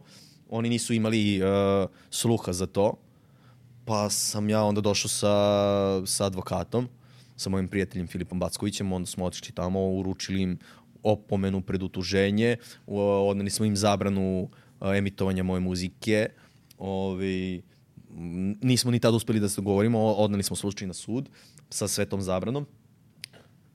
Sveta zabrana. o, a, i, I onda se, i pored toga su oni, oni u programu, nakon te zabrane i svega toga, se desilo da u nekoj od tih emisija, od tipa muzičkog segmenta koji traje 12 minuta, 10 minuta ide dupe i sise. A dupe i sise traje 3 i nešto minuta. Znači oni su morali tri puta uzastopno da puste tu pesmu jed, Da. jednom, pa drugi put, pa treći put, da bi ona uopšte toliko, toliko, toliko trajala. Definicija preterivanja. Definicija preterivanja. Tako da, znaš, u dosta sam dobroj poziciji pregovaračkoj, jer oni su preko moje zabrane da, da vrte tu muziku, Da. opet pustili i to, naš, ne samo tu, nego je posle, još, još u nekoj emisiji se nedavno puštala, imaju još neku, neku tu emisiju tipa Parovi, ne znam kako se zove, ono. Da. Znaš, ne. Reality neki to. Reality, da, još Da. jedan. Ovo, I tu se isto vrtelo, tako da, znaš, ono, trenutno, trenutno smo u sporu, ali, znaš, na, M sam u pravu, M, s- M su oni u krivu. Dobro, želim ti da se taj spor završi pa, znaš, već najbolje dugo, moguće. znaš, mislim da je kraj 2014. početak 2015. što to je 5-6 godina, već se, se to provlači kroz, kroz sudove, a šta, šta se tu dešava? Tu se kupi kamata na kamatu, te bra. Da. Njima neće biti dobro kad se to završi, razumiješ? Dobro. Nemoj da pričaš previše o tome. A da ne, se ne, ne, u smislu, u smislu uh, uh, cifra koju budem dobio biće veća za, za tu kamatu u svakom slučaju. Da, znaš, da. m, jebi ga. Nadam se da Ovaj. će biti dobra cifra i da ćeš njome moći da obezbediš sebi ja neke sam, lepe ja sam i za to da se dogovorimo, znaš, nisam ni ja, nisam ni ja debil, ali moraju oni da se dogovore, znaš, mo- mora, mora, za dogovor su potrebne dve strane. Da, da, da. da.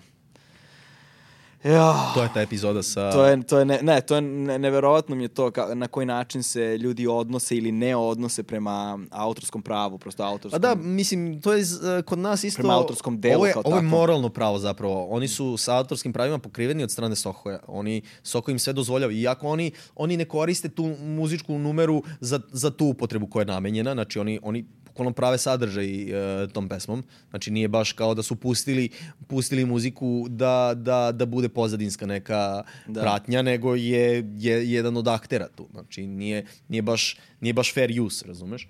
Ove, ali, ali ovo je neko drugo, ovo, ovo je moralno pravo, brate. Oni su prvo rekli da to nije moja pesma, a onda, onda posle su preko zabrane još, još opet pustili. Da. Te bra, ono, znaš, to je već bezobrazno. Da. Da, to je zaista. Da. Apsolutno se slažem s tobom i mislim da treba da budeš kompenzovan na pravi način i, i da takve stvari treba da posluže kao primer na kako da, da, kod se- nas i nema mnogo takvih slučajeva, zapravo i Da. to je jedan od, od problema, jer znaš, nemaš na kom osnovu da odrediš ni, ni količinu kazne, ni ovo, ni ono, tako da. Zapravo ne bih se složio da nema toliko slučajeva, recimo šta se 90. godina radilo, naš, vi, deve- više od 90% celokupnog muzičkog tržišta 90. godina je bilo u potpunosti piratizovano. Ovo je moralno pravo. to, Ne autorsko. Molim, a moralno? Aha, Moralno ne autorsko pravo, zato što je autorsko pravo zaštićeno. Ja sam tu pesmu prijavio Sokoju, a, a oni prijavljuju Sokoju svoje košuljice, ovo ono, oni su, oni su tu kao čisti što oni koriste tu pesmu. Da. Ali oni sa druge strane nisu čisti. Na koji način je koristi i šta su uradili sa, sa tim? da, da. Znači nije, nije, nije, a, I ovo sad što su na zabranu celu Tako je, tako je. Znači, ponovo. ono, njihov, njihov ceo postupak prema meni i prema toj pesmi, to je ono što je ovde sporno. Nije sporno sad oni što koriste tu pesmu. Da, da, da, da, da. Znači, ja sam je i prijavio u Sokoju da bi ljudi mogli da je koristi za nešto. A, a sad, što, to što je to pesma koju sam ja pravio za upotrebu u klubovima, koji možda nije mesto na televiziji s nacionalnom frekvencijom. Ok, naš, sad dupe i sise nisu neke strašne, strašne reči koje, koje su, naš, uh, Mnogo strašnije stvari smo čuli i videli. ne, ne smo smo čuli i videli, nego su postali deo standardnog ono, govora. da.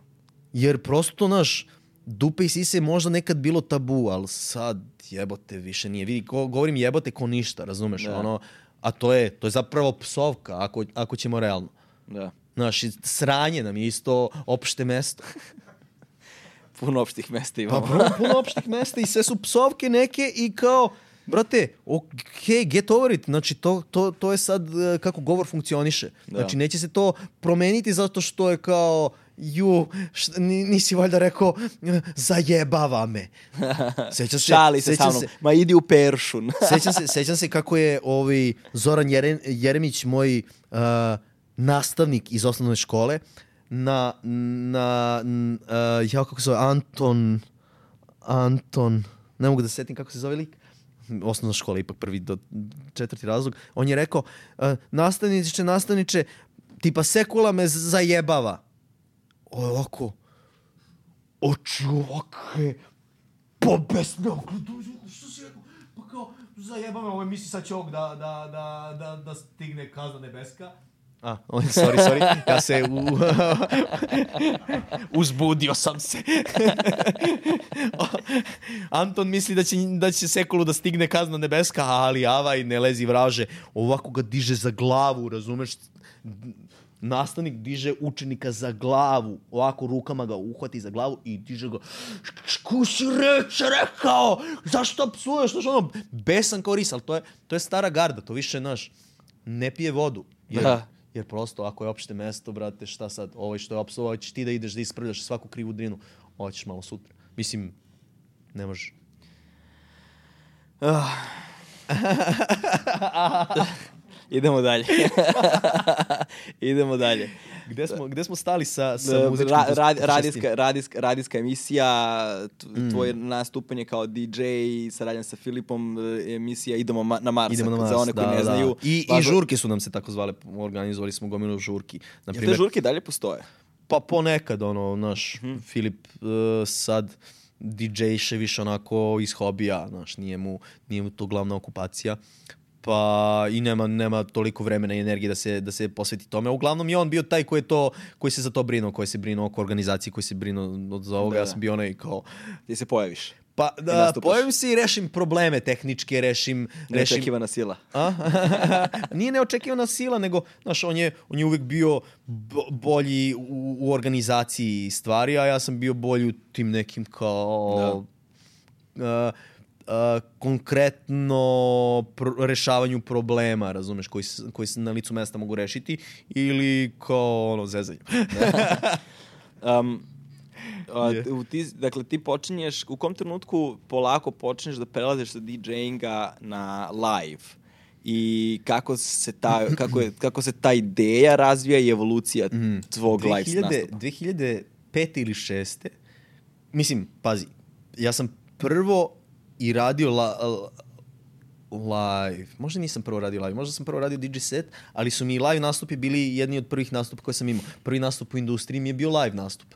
Znači, i to je kako je live tad izgledao. Ti doneseš desktop, staviš ga tamo negde, staviš monitor od desktopa na, na, na, na pult, onda učitaš taj WAV koji si renderovao gajbi, koji je ceo live act, live act, u stvari ono, moja muzika uh, kompilirana u, u, u Esidu, tad, tad sam u Esidu ono, slagao to da, da, da, da ima tok jednog seta i onda tako 45 minuta toga je bio moj live i ja pritisnem play i to tako ide. Ja sad tamo stojim, brate, i blame. I ide muzika, ja, na, znaš, nemam nikakvog apsolutnog uticaja na, na, na nju, osim mogu, znaš, ono, bas srednje visoke da munjim ili, ili ne munjim, razumeš, to, to je Da. ono što, što, što mogu da biram. I sad, brate, dosadno mi. Znaš, bukvalno došao sam tu i da stojim. Ajde da uključim Wipeout. I uključim Wipeout. Igram Wipeout. Čekaj, igricu Wipeout. Igricu Wipeout, tako je.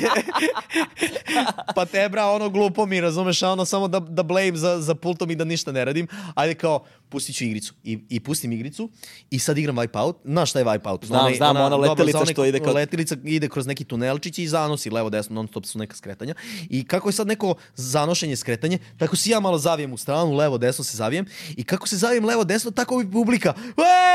Ej! Ja kao, a ne, seri?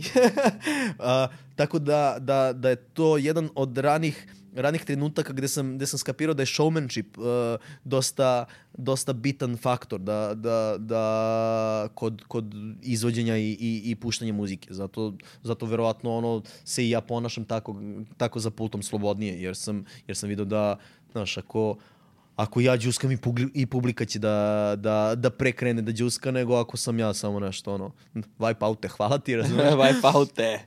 Koliko je bre težak bio taj Wipeout kad smo već kod njega? Kako? Koliko je težak bre bio taj Wipeout kad smo već kod njega? 13 kg. Ne znam, ne znam šta težak. Koliko je teška igrica bila? Ja A sam... nisam ja toliko igrao to. Nego tu sam bukvalno, znaš, nisam znao šta da radim i znao sam da imam to, da, da neće mnogo procesa zauzeti od tog kompa i kao, pošto je tad već bila stara igrica, ajde kao to ću, znaš, ni- nisam ja nešto puno igrao, nego bukvalno do, da prekratim malo vreme, jer, jer stojim ispred kompa i tačka. Ništa, bukvalno ne mogu da radim. I kao, ajde ovo i kao, ej. Ovi. I onda, i onda sam, uh, tako, imao sam neke uh, live, aktove, da, uh, na primjer, vrati moje majke nakit koji ćemo izvesti za, za kraj. Uh, sam, prvo izvođenje je bilo tipa 2001. druge u akademiji. Bio sam, im- imao sam live act sa Mistake Mistakeom i ovaj i da se ne ponovi to da ja samo stojim, brate, iza, iza desktopa, pošto i dalje je to bilo desktop, monitor, play, da, da, da se ne ponovi to gde ja samo stojim, brate, iza, iza tog desktopa i ne radim ništa. Rekao, ajde, ajde da pevam nešto. I onda sam napravio taj, taj neki, tu neku matricu koja mi, koja mi, mi se sidala i sad ne sjećam se kako mi je došlo do tog teksta, ali znam da sam njega pevao. Ali, ali sam ga pevao onako dosta izražajno, znaš, ja sam tu vrištao, plakao, uh, znaš, ni, možda se malo bacao, ovo, Možda se malo bacao. Pa znaš šta, ne sjećam se, ne sjećam se tre, ono, konkretno. Znam da sam vrištao, znam da sam plakao, znam da sam, da sam, da sam se drao, da sam molio, da sam preklinjao, razumeš? Ovaj, I da je, da je drugarica posle toga napravila para, paralelu sa Satanom Panonskim, kao da... da Ko je na akademiji iste te stvari radio, samo se on isekao malo. Pa da, on se malo isekao, nego kao naš... Ja sam, ja sam joj predstavio neku energiju koja je bila srodna, srodna njegovoj, da je, da je prepoznala ne, ne, neku, neku tu, tu iskru meni, ono što je meni isto bilo kao cool, ne seri, kao hvala ti. Ovaj, I onda sam, onda sam uh, znaš, to nije bilo realno s tim live actovima, znaš, ono, šta ja tu da radim, ovaj, jer je oprema bila nepri, nepristupačna, nisam, nisam o tome čak ni razmišljao, razumeš? Ovaj, nego je bilo kao, ajde, ajde ploče. Ploče su, ploče su lakše, jer ploče ti treba ono 10 maraka po jednoj, Da. to ćeš da skupiš, znaš, ono, ja sam, ja sam imao i tu sreća u nesreći da mi je Ćale umreo uh, kad sam bio mlad i da sam ja tad bio na, na faksu i uh, da sam ja primao njegovu penziju. Znaš, umetnost uh, treba mecenu. Da, da, bi se, da, bi se, da bi se lepo razvila, znači treba joj jebote pokrovitelj. Znaš, da sam ja, da sam ja imao uh, svakodnevno odlazak na posao da bih mogao da, da izdržim sebe, da bi mogao da prehranim, da bi mogao da, da imam pare za, ovo, za ono, ne bih ja ovo radio. Da. Naš, prosto ne bih mogao toliko vremena, truda i energije da uložim u, u, u sve ovo, jer je to neizostavan deo, jer bez toga ništa, ništa drugo ni, ni neće se desiti. Ovi, nego sam ja imao tih nekih 300, 300 maraka mesečno i ja sam mogao, brate, da priuštim sebi da kupujem 30 ploča mesečno, znaš, jer ja sam se, ja sam se oblačio u, znaš, reklamne majice i to mi je bilo top. Iznošene, da. iznošene trenke, top. Znači, nije mi, nisam, nisam pio, nisam pušio pljuge, nisam se gudrao. Da. Uh, znači, sav no, novac sam trošio na, na ploče i na hranu. To, to su, to, tu je bilo gde, gde, gde su mi otišle, zato sam i mogao da, da stvorim dobru kolekciju ploča, zato sam i mogao da, da, da postanem DJ, razumeš, zato sam i mogao da, da napravim to što sam napravio. Ove, to je ta sreća nesreći, naš, da. jebi ga, ono, Ćale mi je ostavio amanet ovo, ovo čime se ja bavim. Da. Da, da on to nije uradio, pod navodnicima, ove, uh, ne bi bio tu gde jesam. I onda, vreme, vreme se nastavlja. Na, ja krećem da radim na tri gramofona. Uf, na Rosama. Richie Hotin. Ja puštam uh, muziku posle njega. Entrance je bio festival, a Rose su ti inače podmornička baza i pult je bio postavljen tako da je bio uz, uz zid tog ne, nije planina, ali brdo, uz zid brda i jako visoko je bio pult I ti gledaš u ljudi, tu je bilo nešto između 2 i 4 hiljade ljudi, iza njih more i u nekom trenutku sviće. Znači, to je jedna od najlepših scena koje sam ja doživeo za života, ne za DJ-inga, za života, razumeš? Ono, ja, ja puštam muziku, ovi, ovi dole, ali ne, ne što puštam muziku, nego što sam u tom trenutku, ono, zapet, napet ko sajla. Znači, tu je Richie Hotin, a ja na tri gramofona i jedem ta tri gramofona, a on lik ovako pola sata pored mene stoji ovako. Čak je posle, o, znam da je bio neki intervju kad je prvi put dolazi u Beograd, da su ga pitali kao da li možeš da, da ovaj, izdvojiš nekog, neko lice za domaće scene i on je rekao pa kao ne mogu sad da ponovim ime, imao, imao neko čudno ime, ali bio je tu taj momak na, na, na Rosama koji je puštao neku kao sjajnu muziku i sijavao neku mnogo čudnu energiju, razumeš? Ono, ja ti kažem, ja, ja kao sajla napet, razumeš? Ono, u piku, u piku životne forme još je tu ono fucking plastic man, naš, koga obožavam. Naravno da ću da dam sve od sebe i jeo sam taj set. To mi je jedan od, od, od boljih uh, DJ iskustava. I na, nastavlja se, nastavlja se karijera i uglavnom sam tu na 3 gramofon radio i 2005. 6. pojavljuje se Serato Scratch. To je prvi uh, bio stabilan taj uh, DJ sistem da možeš da puštaš MP3-ke ili, ili, ili fajlove, valove, šta god, kao, kao ploče. Znači, povežeš kom, to je sad opšte mesto, ali to je bilo kao wow, znači još, još radi. Prvo se pojavio Final Scratch, ali on je nešto bagovo, nije radio kako treba. I ovo se pojavio kao, u, ovo je stabilno. Ja otišao odmah, kupio neki nadrkan laptop, soma i po evra, kupio to još, još jedno 500-600 evra. Pa, pa, pa, pa, pa, pa, povežem I od tad nisam otišao više u prodavnicu ploča, razumeš, od 2005. 6.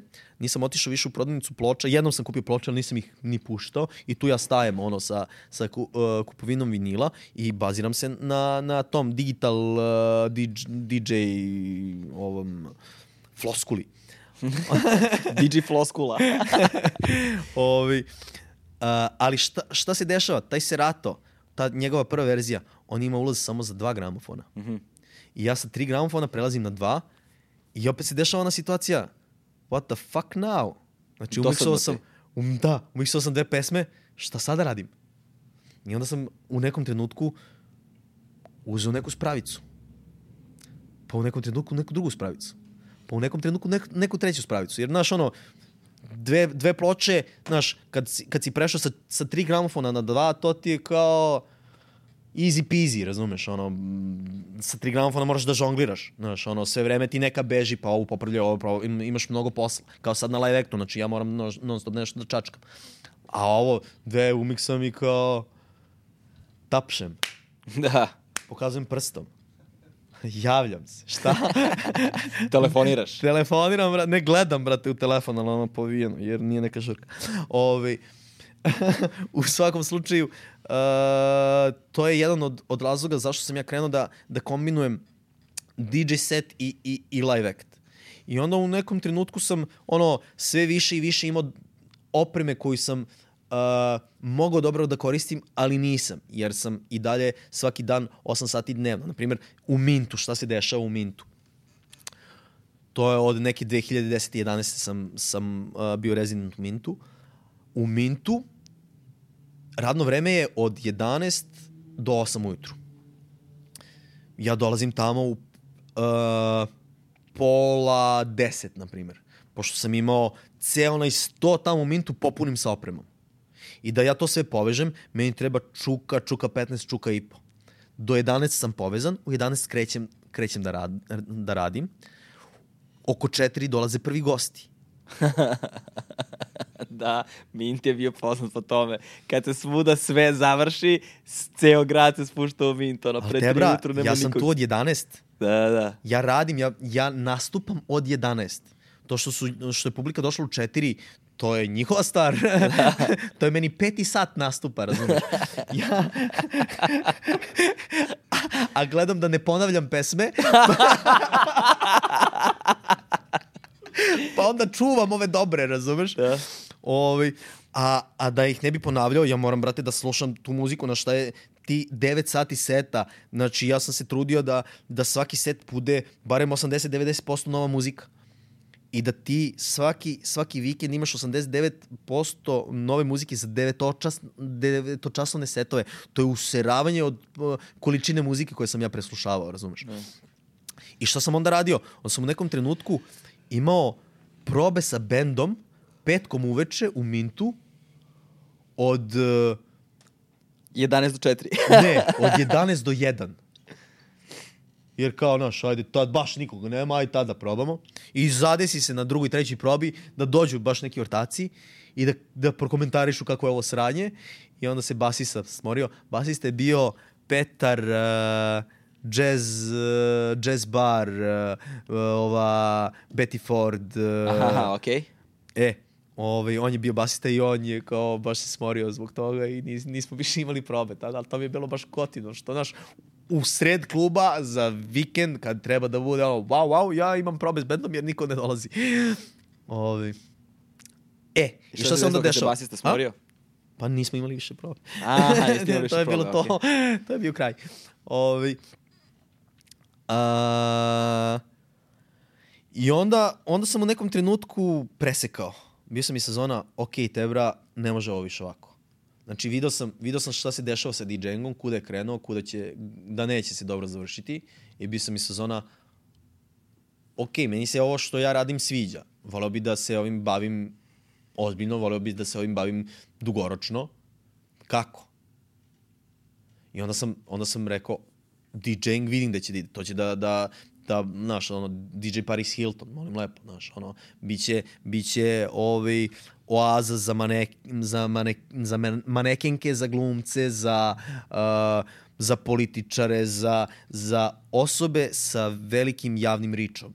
Da.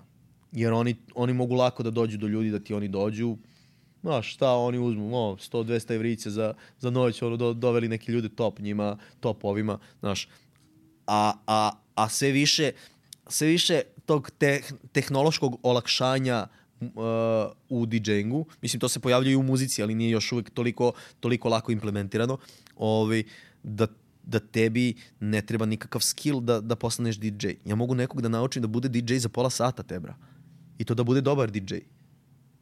Nije, znaš, to je sad toliko jebeno lako, jer ti imaš, Pa znaš, dobro, ono, možda, znaš ja sam, možda tehnički lako, ali ono, Te, bra. biti, znaš, tebra, dobro, dobro, izvini, molim te.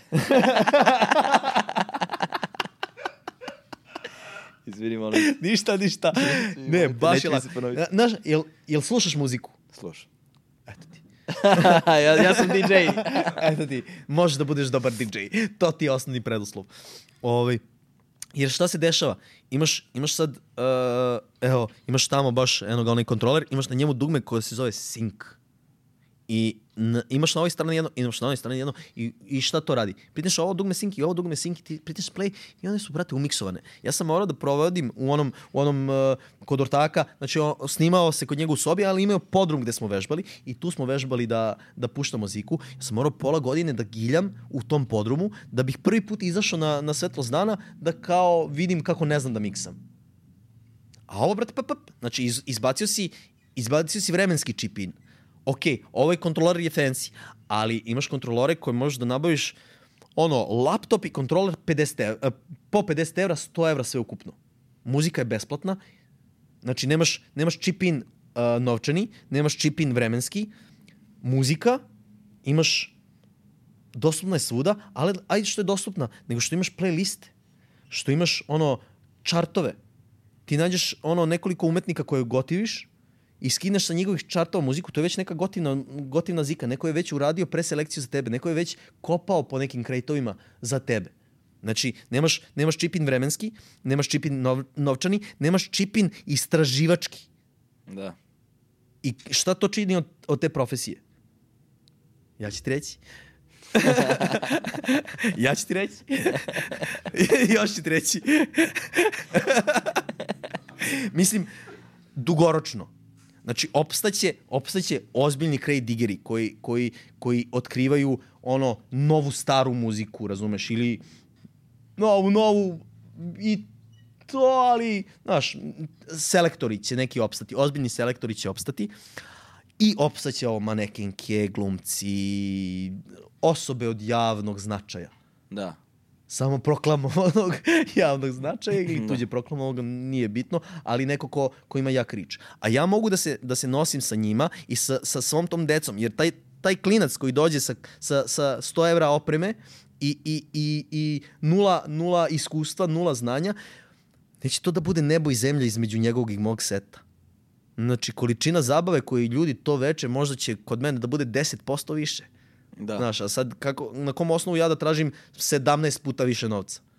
Ili on će još da dođe da da ono neke pare da bi tu puštao, razumeš, da, za svoje prvo veče, a ja tu kao treba da tražim neke pare. Nije, nije realno da se ja u takvim uslovima takmičim sa bilo kim. I onda sam bio sa zona, ok, šta ja tu mogu da ponudim? Mogu da ponudim neko umeće svoje. Koje ja umeće imam? Imam umeće produkcijsko, im, nemam, nisam neki svirač, ali brate, ono, jebi ga, progledat će mi se malo kroz prste za, na, na ta greške, jer ovo ostalo umem da, da, da upakujem. Ili sam makar tako razmišljao. I onda sam prekinuo apsolutno svaki kontakt sa DJ-ingom.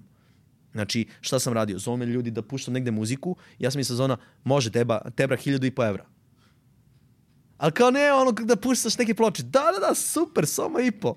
A, a, cena mi je, na primjer, bila 300. Da, da.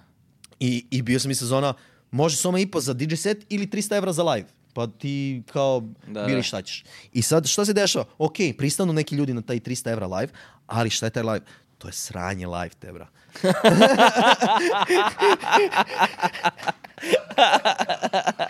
Jebi ga, ajde da nazovemo stvari njihovim pravim imenima. Da, znači, da. Ja, sam, ja sam od nekog ko, ko se 15 godina potpuno proaktivno bavio DJ-ingom, znači ni, ništa drugo nisam radio tih 15 godina, se pro, prebacio na nekog ko je relativno nedavno kupio neke gotivne sprave i krenuo da ih koristi, ali tebra, ja sam tek nakon tri nešto godine korišćenja te sprave upoznao dobro. To nije bilo tad. to nije bilo tad. Tad je bilo, znaš, ono, ja u Barutani neki nastup, sviram frulu, pa je pod frule pravim bas liniju, kao pričam da li frula može biti i bas, znaš, ono, a ljudi su i su ono, šta radi ova budala? I onda, znaš, a, odbijao sam o, od sebe novac time. Znači, i ovi, ovi koji su me, znaš, ovi koji su me zvali za hiljadu i po, znaš, nisu me, nisu me više zvali, a ovi koji su me zvali za 300, nisu me više zvali.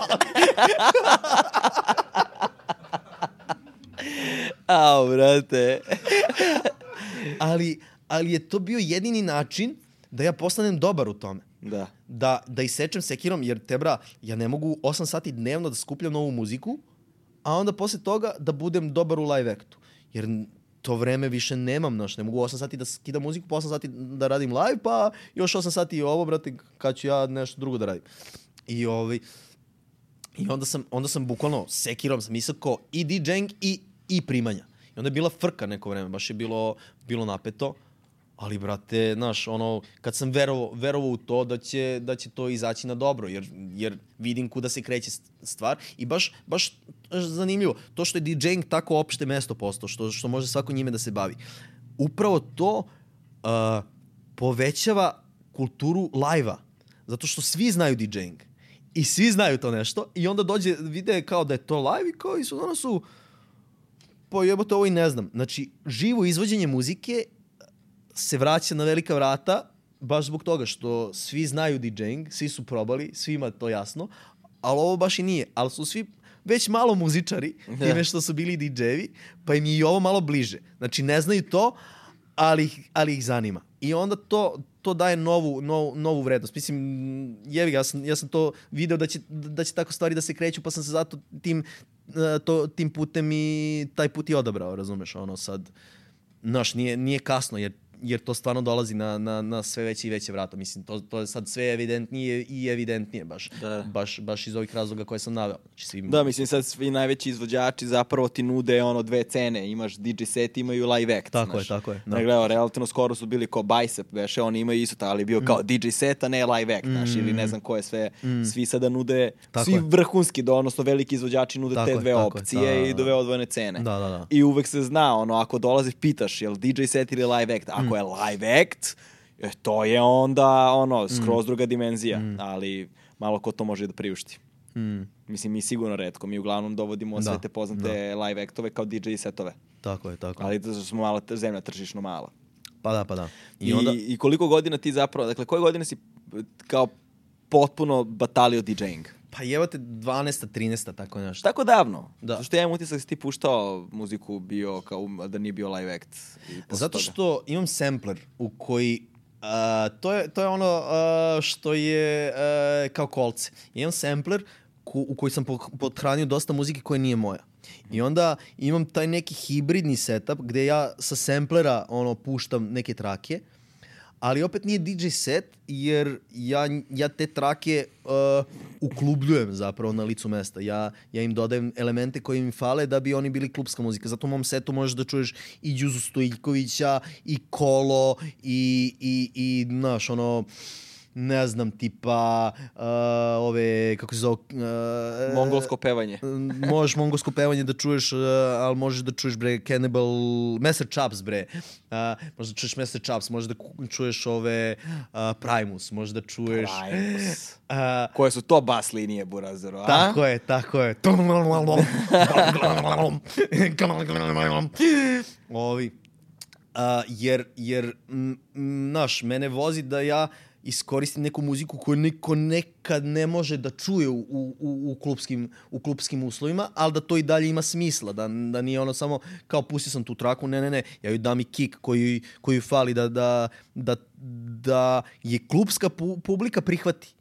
Znaš, da, da, da oni džuskaju sto, jer znaš, sad ovo neka muzika, to su neke frekvencije koje ti malo i smetaju, znaš, ono, gitarska muzika na, na glasnom klubskom ozvučenju, to te malo para, ali ja to malo dum, dum, dum, dum, dum, dum, ba to, a? Nije loše, a? Uhu, džuskamo. Znaš, i onda, i onda ti to zvuči kao, kao da je DJ set, ali je neki, neki hibrid, znači ja, ja Da. ipak eh, pre, preoblikujem te trake da, da mogu da, da imaju klubski, klubsku težinu. I onda, I onda smo tako, mi, mislim, tako sam nastavio. Malo sranje live, malo, malo bolje, pa malo, malo bolje, malo, malo bolje. I onda, onda sam se u nekom trenutku skačio sa Peđom. I onda su nastali kablovi. I onda smo... Peđa, samo reci ko je Peđa. Peđa Milutinović, Peđa Milutinović, ono, the original dramer, jedan od, ako ne najbolji, najbolji dramer u zemlji, ono ima ima surov, surov sound koji mu izlazi iz, iz tih palica, ono što reče neko, kao da je već isproduciran, razumeš? Da, da, da. Ali ne samo to, nego i dovoljno dovoljno otvoren da proba da proba sa elektronikom da se da se da se igra. I onda smo napravili napravili zanimljiv, zanimljiv koncept u smislu da on, on svira uh, elektroakustični bubanj. On ima, on ima uh, elektronske padove sa triggerima i trigger je jedan je na, na kiku, drugi na sneru, treći smo držali na čineli, sad smo ga, sad smo ga sklonili. Ovaj, ali šta, šta se dešava? On sa tim triggerima gura moju ritam mašinu koja ima, koja ima ovaj, svoje, svoje parametre podešavanja i ona je, ona je analogna ritna mašina, ali ima digitalnu kontrolu i ima takvu digitalnu kontrolu da ja mogu da menjam mnogo parametara odjednom. Znači mogu, ima, ima, ima one kao drum padove, ali su oni pressure sensitive. To znači da ja da, da mogu da radim nešto u zavisnosti od toga koliko ih jako, jako pritisnem. I ovi, I onda na taj pritisak mogu da radim svašta. Mogu, na primjer, da, da to što pritiskam, da, da kick uh, uh, bude tu, tu, tu, tu, tu, tu, ili da, da činela bude ili da snare bude trš, trš, trš, trš, trš, trš. Znači, ja, i onda sve vreme to, to uh, vozim uh, sound koji Peđa svira, razumeš, da bi, da bi nas dvojica u stvari, u stvari činili uh, jedan instrument. Jer, znaš, imam, na primjer, neku, neku pedalu koja mi od, o, omogućava da kontrolišem uh, parametre bez da, da, da čačkam prstima. I šta, šta tu radim? Volim da radim, da, na primjer, kik se čuje tup, tup, tup, tup, tup, kada ga svira Peđa, tup, tup, i onda zgadim, zgazim pedalu, on se čuje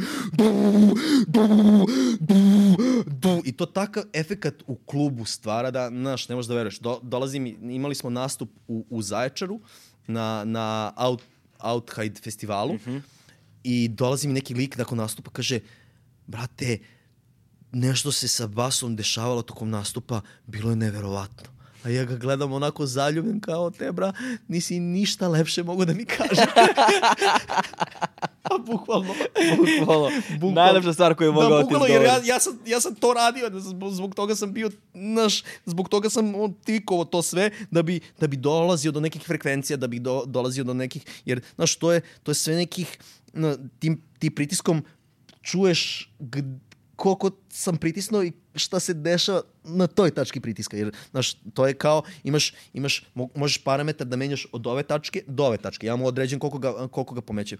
Ali onaj zlatna tačka je negde ovde, na primjer. Da, da, da. I ja, ja sad sve vreme tražim, tražim tu zlatnu tačku da se on čuje najbolje što može, ali u isto vreme i da ga da, da se on da, da se on, da se on menja. Jer ko je, ko je jedna od uh, od uh, prepreka elektronske muzike? Da. Ta pattern repeticija. Aha. Znaš, ja imam, ja imam tu gomilu, gomilu paterna koje mogu da napravim da, da, da zvuče kao da su, da su ono, jako dugački. Ali nisam, nisam bubnjar, ne mogu da to rolam sve vreme, da je svaki drugačiji, da, svaki, da svako malo ima ovakav break, onakav, razumeš? Peđa je, Peđa je tu neko koji, koji sve vreme čini to da, da, da, da, da bude živo uh, uh, ritmički. E, a ja produkcijski gledam da, da dalje oživim, da dam, da dajem drugi nivo uh, živine, što bi se reklo, ovaj, uh, tom celokupnom zvuku, razumeš? Ovaj, i, onda, I onda to, kad, kad se te dve stvari sklope, stvarno, stvarno zvuči i novo i dobro, znaš, baš, baš, baš zbog toga što smo dve glave i jedan instrument. I još tu dodaj neke sintisajzere, ovo ono, ili, ili neke goste i onda možemo da napravimo svirku od 10 sati improv klabinga u halfu za 400 ljudi, razumeš, koji, koji su svi bili oduševljeni. Debra, 10 sati smo izmišljali muziku. U tih 10 sati koliko peđa Jedno u, pet. U kontinuitetu 4 nastupa? 5. Da, Jedno da. 4 5 u kontinuitetu. On on jedini tu stvarno se fizički zamara, pošto nas, nas četvorica, uh, ja imam rita mašinu, sintisajzere, uh, Vladimir Jelenković ima klavijaturu i i i uh, Hesher ima modular synth i još neke sprave. Ovi Znaš, mi tu stojimo i prčkamo nešto, peđe, brate, on se, on, se, on se ubara, on se znoji, brate, ja, ja mogu se oznojim ako džuskam jače, razumeš? Ali od svirke ne. Da, da. Ovi, tako da je on, on tu uh, fizički najumorniji, ali tebra, izmišljaj ti nešto novo 10 sati, znaš, pred, pred publikom. Znači, svi smo tu dosta, dosta mrtvi kad se, kad se to završi, ali znaš koji dobar osjećaj. Znaš, jer, jer nisi sam pravio tu muziku, nego si s tim ljudima. Jer oni su svojom energijom, svojim plesom, svojim radovanjem meni davali snagu, Peđi davali snagu, Vladi davali snagu, Hešeru davali snagu, da mi sve vreme izmišljamo još i još i još i da nas to vozi i da nas oni voze, da mi njih vozimo, da, znaš, veoma moćan gas, te bra. Znaš, i ti ljudi koji su tamo bili, samo su oni mogli da dožive to. Jer mi to nećemo ponoviti nikad. Mi smo to izmišljali tu, mi nismo imali te aranžmane, mi nismo imali, nismo imali to. I zahvalnost elektronske muzike je što, što takav koncept može da pije vodu. Da. Jer što ti možeš da džuskaš, brate, u nedogled ako, ako je dobar groove, ako je, dobar, ako je, ako je, ako je, ako je dobra melodija, ako je dobra baslinja, ti možeš da džuskaš i da džuskaš i da džuskaš. I veoma sam ponosan što tako nešto možemo da uradimo. Koliko vas ima još koji nastupate na taj način, koji kombinujete ono, da, da, su- da su aktivni u javnosti na nešto malo ono zbiljnije? U smislu live aktova, Da.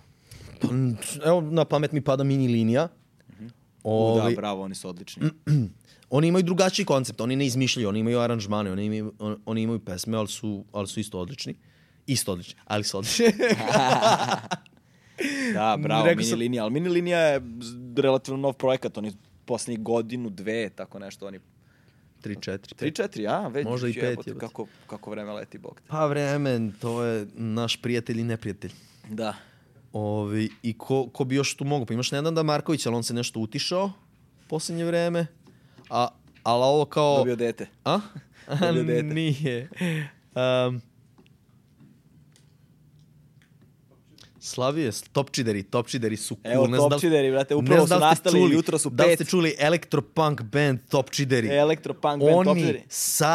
sabijaju. Pazi, ako ih niste čuli, evo za kraj, prava prilika Prava prilika. da čujete Topčidere u izvođenju MKDSL-ove Vrati moje Vrati majke. moje majke, nakit. nakit. Tako je. Ajmo. Topčideri